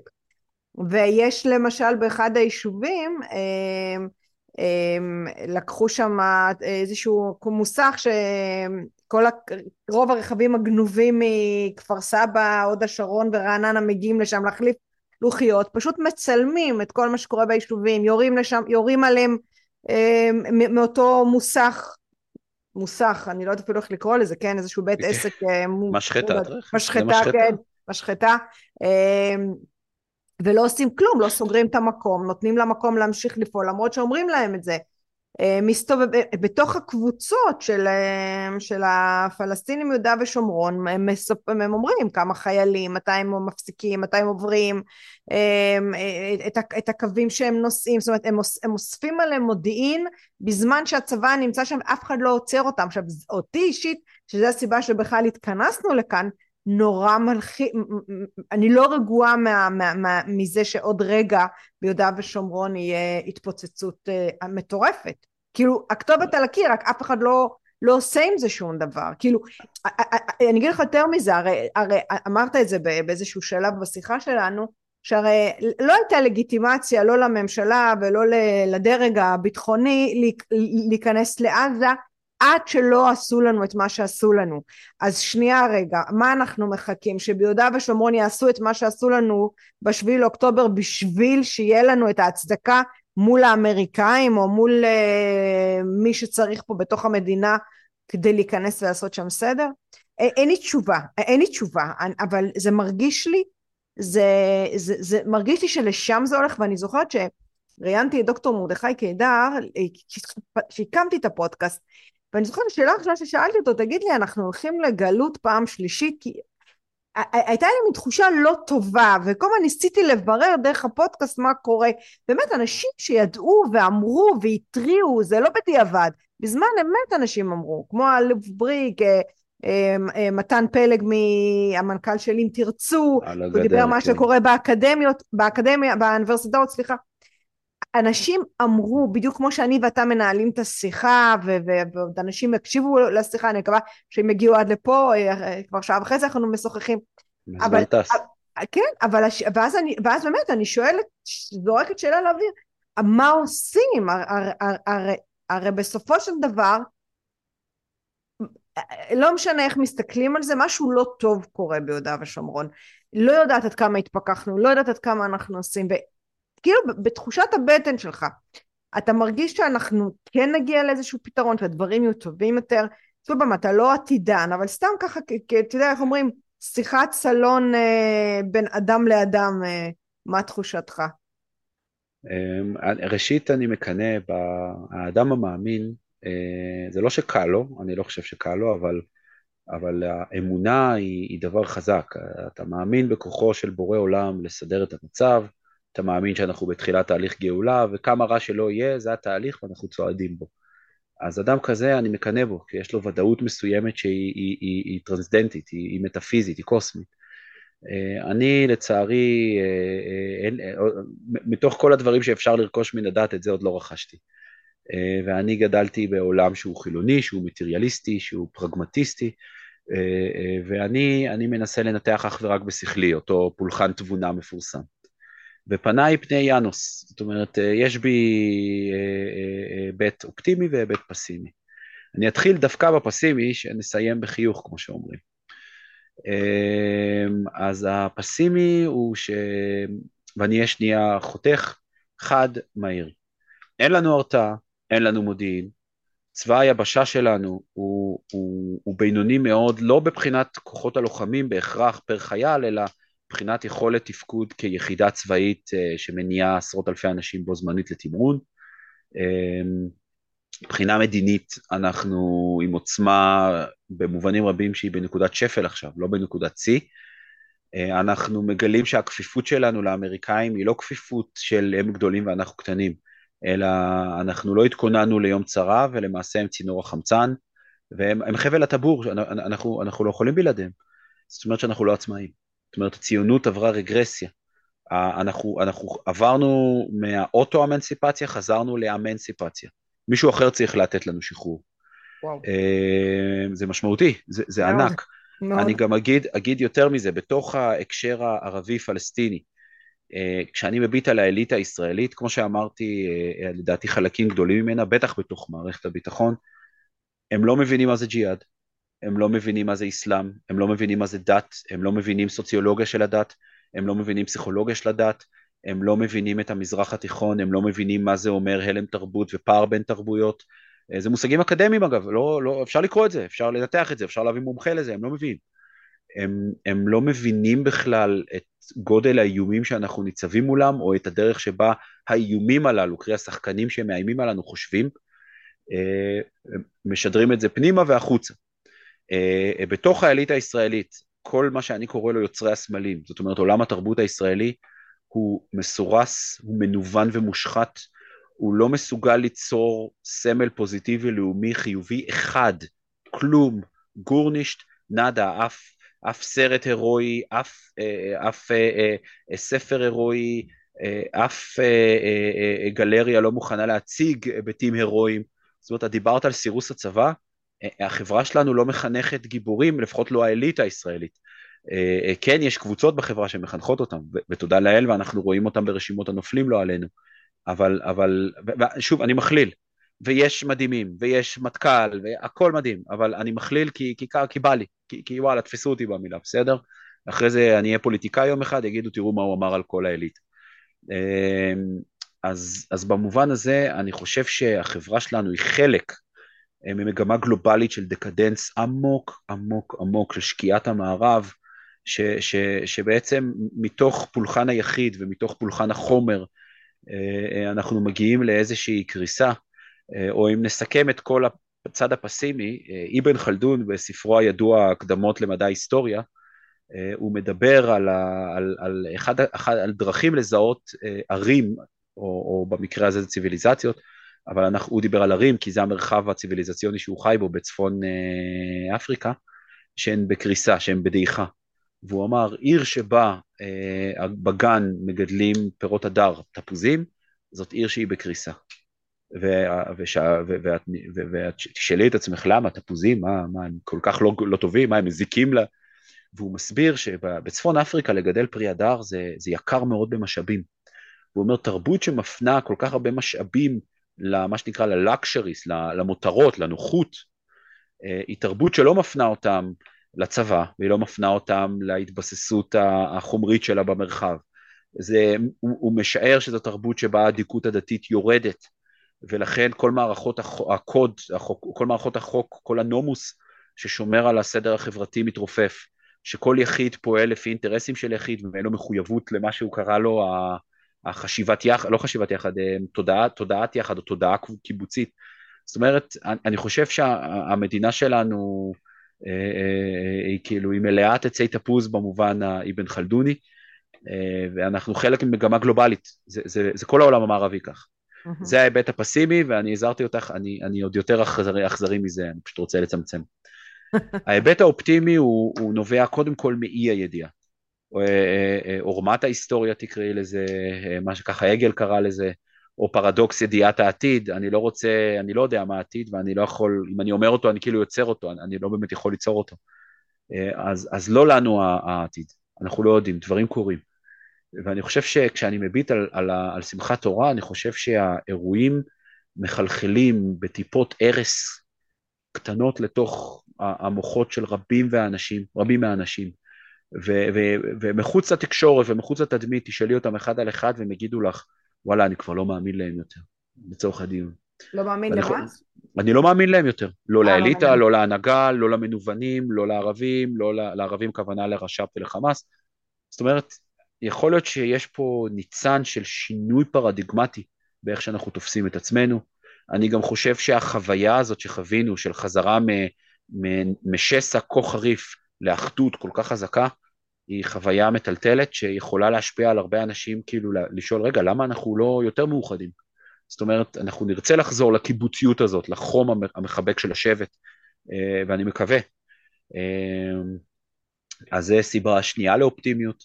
אני חושב שמאות האלפים שמגויסים עכשיו עוברים חוויה שאנחנו עוד לא הבנו אותה. אה, מדברים על זה, תודעת החיילים שחזרו מהחזית אחרי מלחמת העולם הראשונה וגם השנייה, זה היה ידוע. אני חושב שהחיילים שיחזרו מהחזית, מהמילואים, הם יחזרו קצת אחרים, הם עוברים חוויות, כל, עם, עם דגש ספציפי על החיילים בעזה, ש, שעוברים שם חוויות כאילו כנראה רוחניות ממש בהרבה מובנים. אה, יש שיגידו, הנה המיליטריסט האפל מדבר על המלחמה בקודש, אז כן, אני מדבר במלחמה עם מרכיב המציאות, ו, ושבט שלא יודע לעמוד על, על חומותיו, אז מגיע לו למות, כאילו, כי הוא, כי הוא לא מתייחס למציאות, הוא חי בפנטזיה עם חדי קרן. אז זה היבט נוסף של אופטימיות.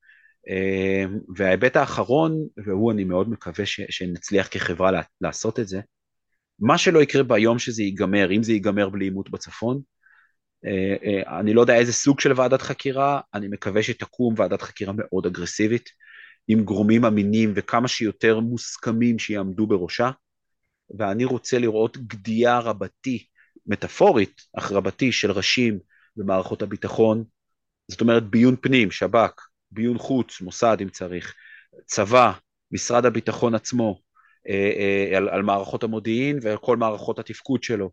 במערכת הפוליטית אני רוצה ש, שיהיה ביקורת סוף סוף על העובדה שהכנסת שלנו והממשלה שלנו לא מפקחת על הצבא בכלל, בריק דיבר על זה רבות, אבל זה ידוע לי עוד לפני כן, כי הייתי הרבה בכנסת בקריירות שלי השונות.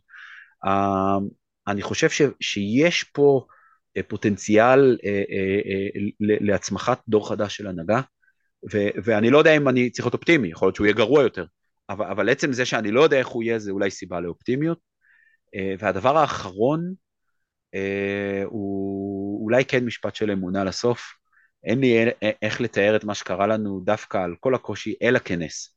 כי אם בו זמנית התרגיל היה הפוך, וחיזבאללה היה מתחיל את זה, ושואף את הצבא שלנו ללבנון, ואז הטנדרים של חמאס היו נוסעים, ומגיעים לאתרים אסטרטגיים שונים ברחבי מדינת ישראל, אני רק יכול לדמיין, בסיסי צבא רגישים, מוסדות אזרחיים חשובים, אה, אה, הם, הם, הם, הם משתלטים על, ה, על המנהרות בדרך לירושלים, או על קשרים מרכזיים בכבישים ראשיים, אה, הם, כאילו, אני רק יכול לדמיין את רמת הקריסה שהיינו חווים פה כאומה, שהייתה יוצרת סוג, כמו בפצצת אטום בנויה על שרשרת של קריסה, של פיצוצים. אז, אז אחד בצפון, אחד מעזה, אחד לפתע מיהודה ושומרון, אחד ערביי ישראל, אחד בגולן והמיליציות השיעיות מעיראק, ואנחנו לא יודעים איפה זה נגמר. כי כשאתה חיה פצועה, אז הצבועים באים, וסביבנו יש צבועים. ו... ואולי על הנס נברך, מה, מה אני אגיד, ש... שעם כל הקושי והכאב שקרה לנו, אולי, אולי ניצלנו כאילו, ו... ו... ולא בצדק במובן הזה, כי, כי אנחנו פישלנו ברמה ש... ש... שכאילו, הכישלונות המבצעיים שלנו, הכישלונות, הכישלונות התודעתיים שלנו, הם, הם, הם כאילו יבוא השופט מהצד ויגיד בואנה, כאילו את, אתם לא ראויים להישרדות במובן הטכני, אתם, אתם לא עשיתם מספיק בשביל לשרוד, אתם, אתם צרצרתם כל היום במקום להיות נמל, נמלה חרוצה, ו, ו, ואולי קיבלנו second chance או second life במובן הזה. אה, אז, אז יש סיבות גם לאופטימיות. אה, אני פסימיסט מטבעי. אז ראי הוזכת. אה, אז אני אופטימיסטית מטבעי. הנה, השלמנו. כן, ואני נראה לי אוסיף משפט אחד שהיהודים הם אה, מעבר לדת, מעבר לאומה, מעבר ללאום, מעבר למדינה, מעבר לאזרחים. יש בנו משהו שהוא מעבר לטבע, יש בנו משהו שהוא מיסטי, אחרת אי אפשר להסביר איך הגענו עד הלום. ו... ובנימה אופטימית, אה, אנחנו נסיים את הכמעט שעתיים ששוחחנו, זה הרעיון הכי ארוך שהיה לי. אה, אבל היה מרתק. אז uh, טל, קופל, תודה רבה, לגמרי הוגה דעות, אולי גם נראה אותך בפוליטיקה, בדור החדש של המנהיגים שלנו. אשתי לא תהיה מרוצה מזה, היא אומרת אני מספיק לי שאתה בבית, לא רוצה אותך בשום מקום אחר. אז uh, נראה, מה אני אגיד. נראה אם השליחות תקרא לך או לא, אז שיהיה לך באמת גם לילה טוב, כי כבר 11 בלילה. תודה רבה, לילה טוב. זה היה פרק נוסף של דרך המחשבה. כל הפרקים זמינים באפליקציות הפודקאסטים, בערוץ היוטיוב ובפייסבוק. אם עדיין לא הצטרפתם, זה הזמן. להרצאות בנושא חשיבה יצירתית, חדשנות, יזמות, אסטרטגיה רגשית ומדיטציה, מוזמנים לפנות אל הישירות לאופיס שטרודל שירן רז דוט קום. אני שירן רז, ואהיה איתכם גם בפרק הבא.